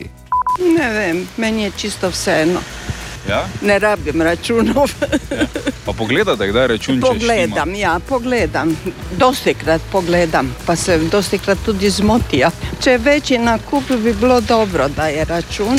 Nis, mi ne zdi vredno. Zato, ker ne, ker to bi lahko goljufali, trgovine. Pa pogledate zdaj račun, ko kupite kaj? Vedno ga imam zraven in vse preverim in shranim in tako dalje. To pa res, imam kontrolo. Je v redu, zato zakaj boš, kaj boš pa te z računom, da ga ne rabiš, če plačeš. Ne, ne, ne pogledate nikoli kak. Ja, pogledam, vse vem uh, cene, tudi približno, ne? Pa imam prej računano, tako da. Mislim, pač pogledam ja, za vsak slučaj. Ja. Vsak slučaj pogledam, pa ga vzamem za vsak slučaj, če bo je potrebno. Ne? Torej, zdaj, če ga naprimer, ne boš dobil, uh, boš rekel za njega. Ali... Pač bi, bi rekel za vsak slučaj, ker nik se nikdar ne zna, kdo te lahko vpraša, pol, če imaš kaj račune, kakšne izdate za določene stvari, ki si jih kupil, ali pa če si plačal kakšne položnice. Recimo. Če pride do napake, ali če seveda, seveda. Okay, torej, od sobote naprej več ni potrebno, nujno potrebno izdajanje računov, ti kot eh, gostinka, kako to vidiš? Zna biti dobro za nas, ker to pomeni, da bomo dosti manj papira in vsega tega porabili, dosti manj smeti bo, manj bo papirčki po tleh ležali. Ne vem pa, kako bo to pol zdavčno urejeno. Kako bo, pač, kak bo oni zavedli, da je bil račun izdan. Da, mislim, Kaj pa, ko bo prišlo do nekih težav pri tem, da je ne vem, račun ne štima, oziroma da je nekaj preveč, go, nekaj premalo? To pa ne vem, kako bo. To pa bomo pač mogli videti z prve roke, ali bo to ok ali ne bo ok. Hm. Ja, žal bo dosti tega uh, pač prevaljeno na pleče, neposred, pleča neposrednih uh, udeležencev. Ampak zdaj si samo predstavljamo recimo, eno situacijo. Italijanska restauracija. Sobota, Buongiorno. ja, sobota popoldan. Bor, sobota popoldan. Tako, ma, oh, italijanska restauracija v Vedrijanu. In uh, Bor, ti sediš pri eni mizi sam, ker pač greš okay. sam. Pač greš sam, bilo ti je, greš sam v italijansko restauracijo. Rad imaš svoj mir, se, te, ne čakaj, sediš sam za svojo mizo. Uh, sediš ob, uh, uh, bomo rekli, tako zdravi fitness solatki Aha. in decijem, ki antija. In pri sosednji mizi večja skupina ljudi, recimo pet, ki sedijo, imajo polno jedače in pijače, se veseljačijo, govorijo, kaj je, kaj je ti, boš, a ti in podobne šale. In potem ti poješ svojo fitness, borno fitness solatko, poližeš tisti kozarček Kjantija in rečeš, na takar, ne, račun. Ker ti tako rečeš, ko si v italijanski restavraciji. To že tako rečem. Na takar, račun. Račun, račun. In pol ti na takar prinese račun, in je račun veliko višji, kot bi pač moral biti. Ne? Ker je ne vem, zamenjal mizi ali pa polovico od njihove pijače in jedače k tebi eh, prištev, in pač se zgodi človeška napaka. Kaj boš naredil? Lahko jaz odgovorim? Ja, daj. Plačal. In rekel, fajn se mejte, ker če kdo lahko, lahko jaz. Buongiorno, ne. Solo qui per lavoro in bo šel. Neko naj bi da bi že pusto, ne se pa zdaj nisem pa. Dobro jutro. Dobro jutro. Danes je petek, kar pomeni, da je na sporedu tudi kot vedno v petek, skoraj ne mogoče vprašanje. In uh, skoraj ne mogoče vprašanje je danes, ali se je Bor predal brez boja. To je zdaj vprašanje. Ah, taj Borno. Pora ni namreč. Ne? On Saj- se je odločil, da pač uh, zgledati bo poklonil zmago. Ne, če to bolj ni za vas. Mislim, tako ali tako vemo, kdo. Ne, ne vemo, ampak Seveda vemo, ne? Dobro, ampak glej, uh, danes. Tudi danes uh, je to vprašanje, ki temelji na eni statistiki, pridobljeni v Evropski uniji, v katero zapade tudi Slovenija. In tudi danes je vprašanje uh, veliko bolj spektakularno od odgovora, ali pač. Mm. Namreč našel sem eno študijo, v kateri je 40 odstotkov žensk, torej v kateri so štiri ženske od desetih, štiri ja. od desetih, rekle, da so jokale, oh. ko jih je njihov partner presenetil s tem. Imáš točno tri poskuse, Katja.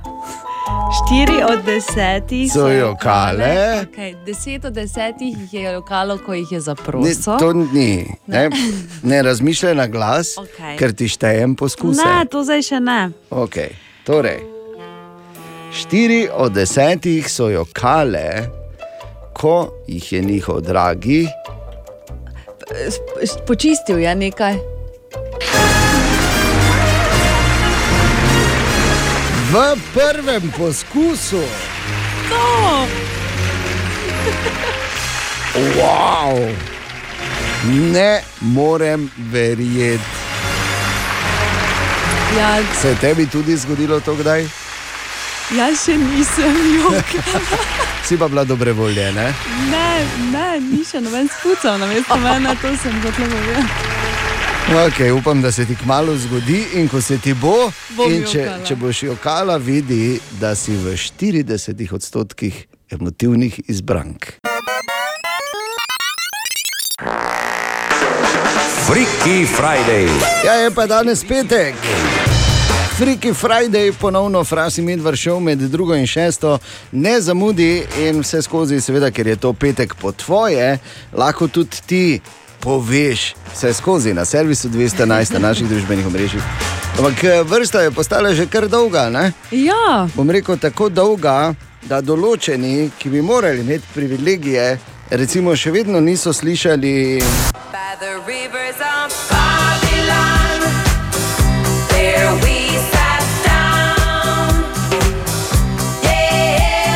Da se ne menimo, da niso slišali.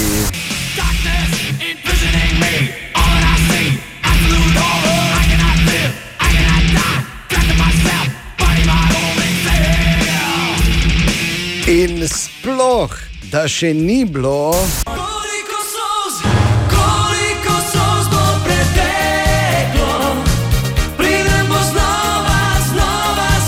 Vsaka podobnost eh, tega izbranca z nekom iz delovnega okolja je zgolj naključna, sploh z nekom, ki ti lahko naredi življenje živ pekel z oblikovanjem urnikov ob vikendih.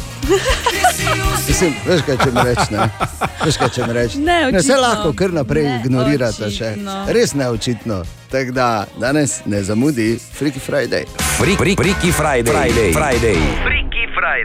O, fras, o, medvard, o, poslušalka, o, poslušalec. Vsak petek med 14 in 18 lahko v Fras in medvard šovu poslušaš, kaj ti paše. Zakaj? Ker je petek, ker lahko. Ker ima vsak svoj glasbeni okus, ker lahko zaplešeš na to.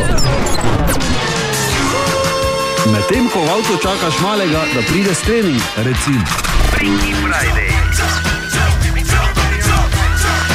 In kaj bi ti poslušal?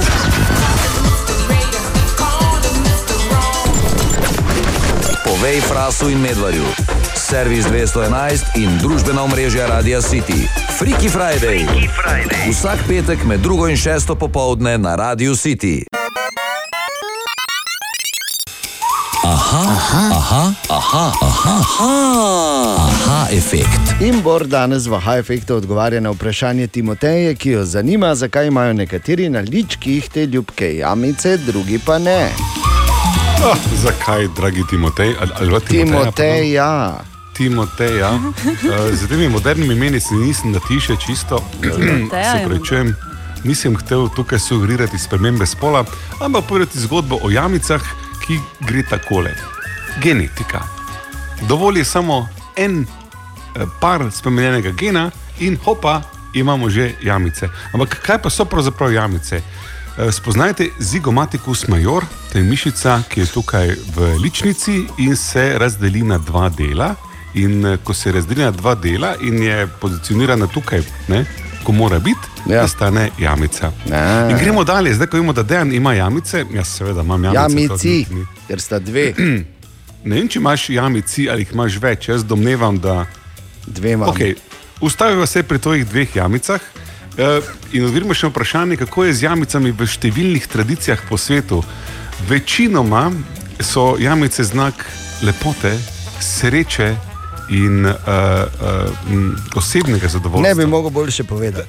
Tako da ne govorim o tem, da so psihologi že davno ugotovili, da ker jamice ima manjši otroci pogosteje kot odrasli, zaradi tega, ker pač v ličnicah imajo več maščobe. To pomeni, ne, da seveda, ker Tudi so res. zmeraj ljubki. Ti odrasli, ki imajo jamice, nekaj te ljubkosti nosijo s sabo. Primer, poglejte, da je eno. Ja, nekaj tega špeheca tudi, ne? da ne bi slučajno mislili, da je samo ljubkost. Ne? Ljubkost ima svojo ceno, Jaz plačaš jo v špehu. Užaljeno se počutim zdaj. Ja, kaj češ, kaj ti je, Žal, gledaj. Katja. Si atraktivna, ampak brez jamic. Ampak nisi ljubka, ljubka pa res nisi, ne? se upravičujem. Ali tudi vi pogosto totavate v temi? Aha, efekt, da boste vedeli več.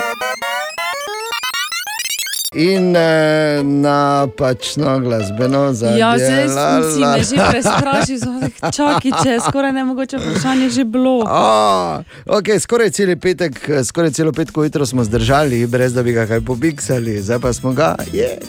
In to ravno pred našim priljubljenim jutranjim segmentom, pred Borovo špajzo. Bor. ker radi postavljamo skoraj nemogoče vprašanja. Kot je recimo tole, ne? Kak je živeti v urbanem okolju, pa imeti zraven prašiča ali dva. Jaz eh, te dni gledam zopet tisto, Če- Ni serijo problema, glej, pridite k nam zjutraj pogledat. Vprašajte sem Katjo. razmišljal, Zakaj jaz ne bi imel prašiča, ne kot domačo žival? Ker pa gledam ta Lost in Space, zdaj tretjo sezono, kot sem včeraj omenjal, in tam je en tip, ki ima kuro. Ne? In absolutno ni nobene logike, ker kaj bo z eno kuro v vesolju, kaj, ne? kaj dolgo ti lahko ena kura jajca. Lahko ena kura, to je za high effect, ali lahko ena kura celo populacijo na Alfa Centauri naredi na novo. Ne? In tako vprašanja te prevevajo. In je pač, veš, vidiš. Odvisno, veš kaj, koliko- Bor, veš kaj lahko? Ja. Odgovor na to skuro in alfa centaur je odvisno, kak fejst imaš kuro rad. Ja, mogoče bi biti hudo rad, po moje. Ampak vsakem primeru, ta zgodba na študenci, ker bo zdaj po novem zaživela prašičja farma, eh, čisto blizu doma pod Gorco, eh, me je malo spomnila na to, kako pa zdaj so ti ljudje lahko tam hvaležni, tudi starostniki, ki hodijo na sprehod.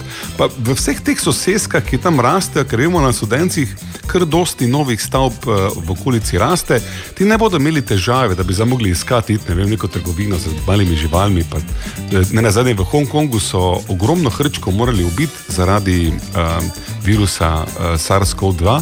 S prašiči zaenkrat teh težav nimamo in bodo lahko do farme šli, posvojili svojega prašička, pa moče celo tam ga imeli.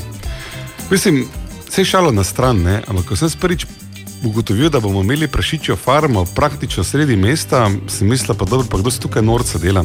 Potem šel pa zgodbo malo podrobneje prebirati in ugotovil, da uh, gospa Šerbec, ki je lastnica tega zemljišča, je htela namenno spremeniti. Ona je dejansko htela tukaj to verjetno kaj graditi ali pa prodati, ne bi se z farmanjem ukvarjala, pa ji niso tega dovolili. In je potem pomislila, zakaj pa jaz ne bi imela prašičjo farmo sredi mesta. In od tu naprej ta zgodba hvaležnosti, moče bo pa vsak mari borčen v kratkem zelo imel enega malega čuneka, pa mu daš tako lepo vratnico, mogoče pink mašnico, pa ga peleš tukaj po mestnem parku, ker kaj je lepše, kot da pozdraviš kolega od spodaj malo niže pa naredi. To je pa efekt, ki ga mnoge poznajo iz poštne, sicer ne.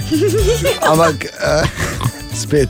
Ampak uh, ja, uh, torej, ali zanimiva poslovna priložnost ali pa zani, zanimiv način izsiljevanja. Zanimivo. Dobra, mali in stari. Podcast jutranje ekipe.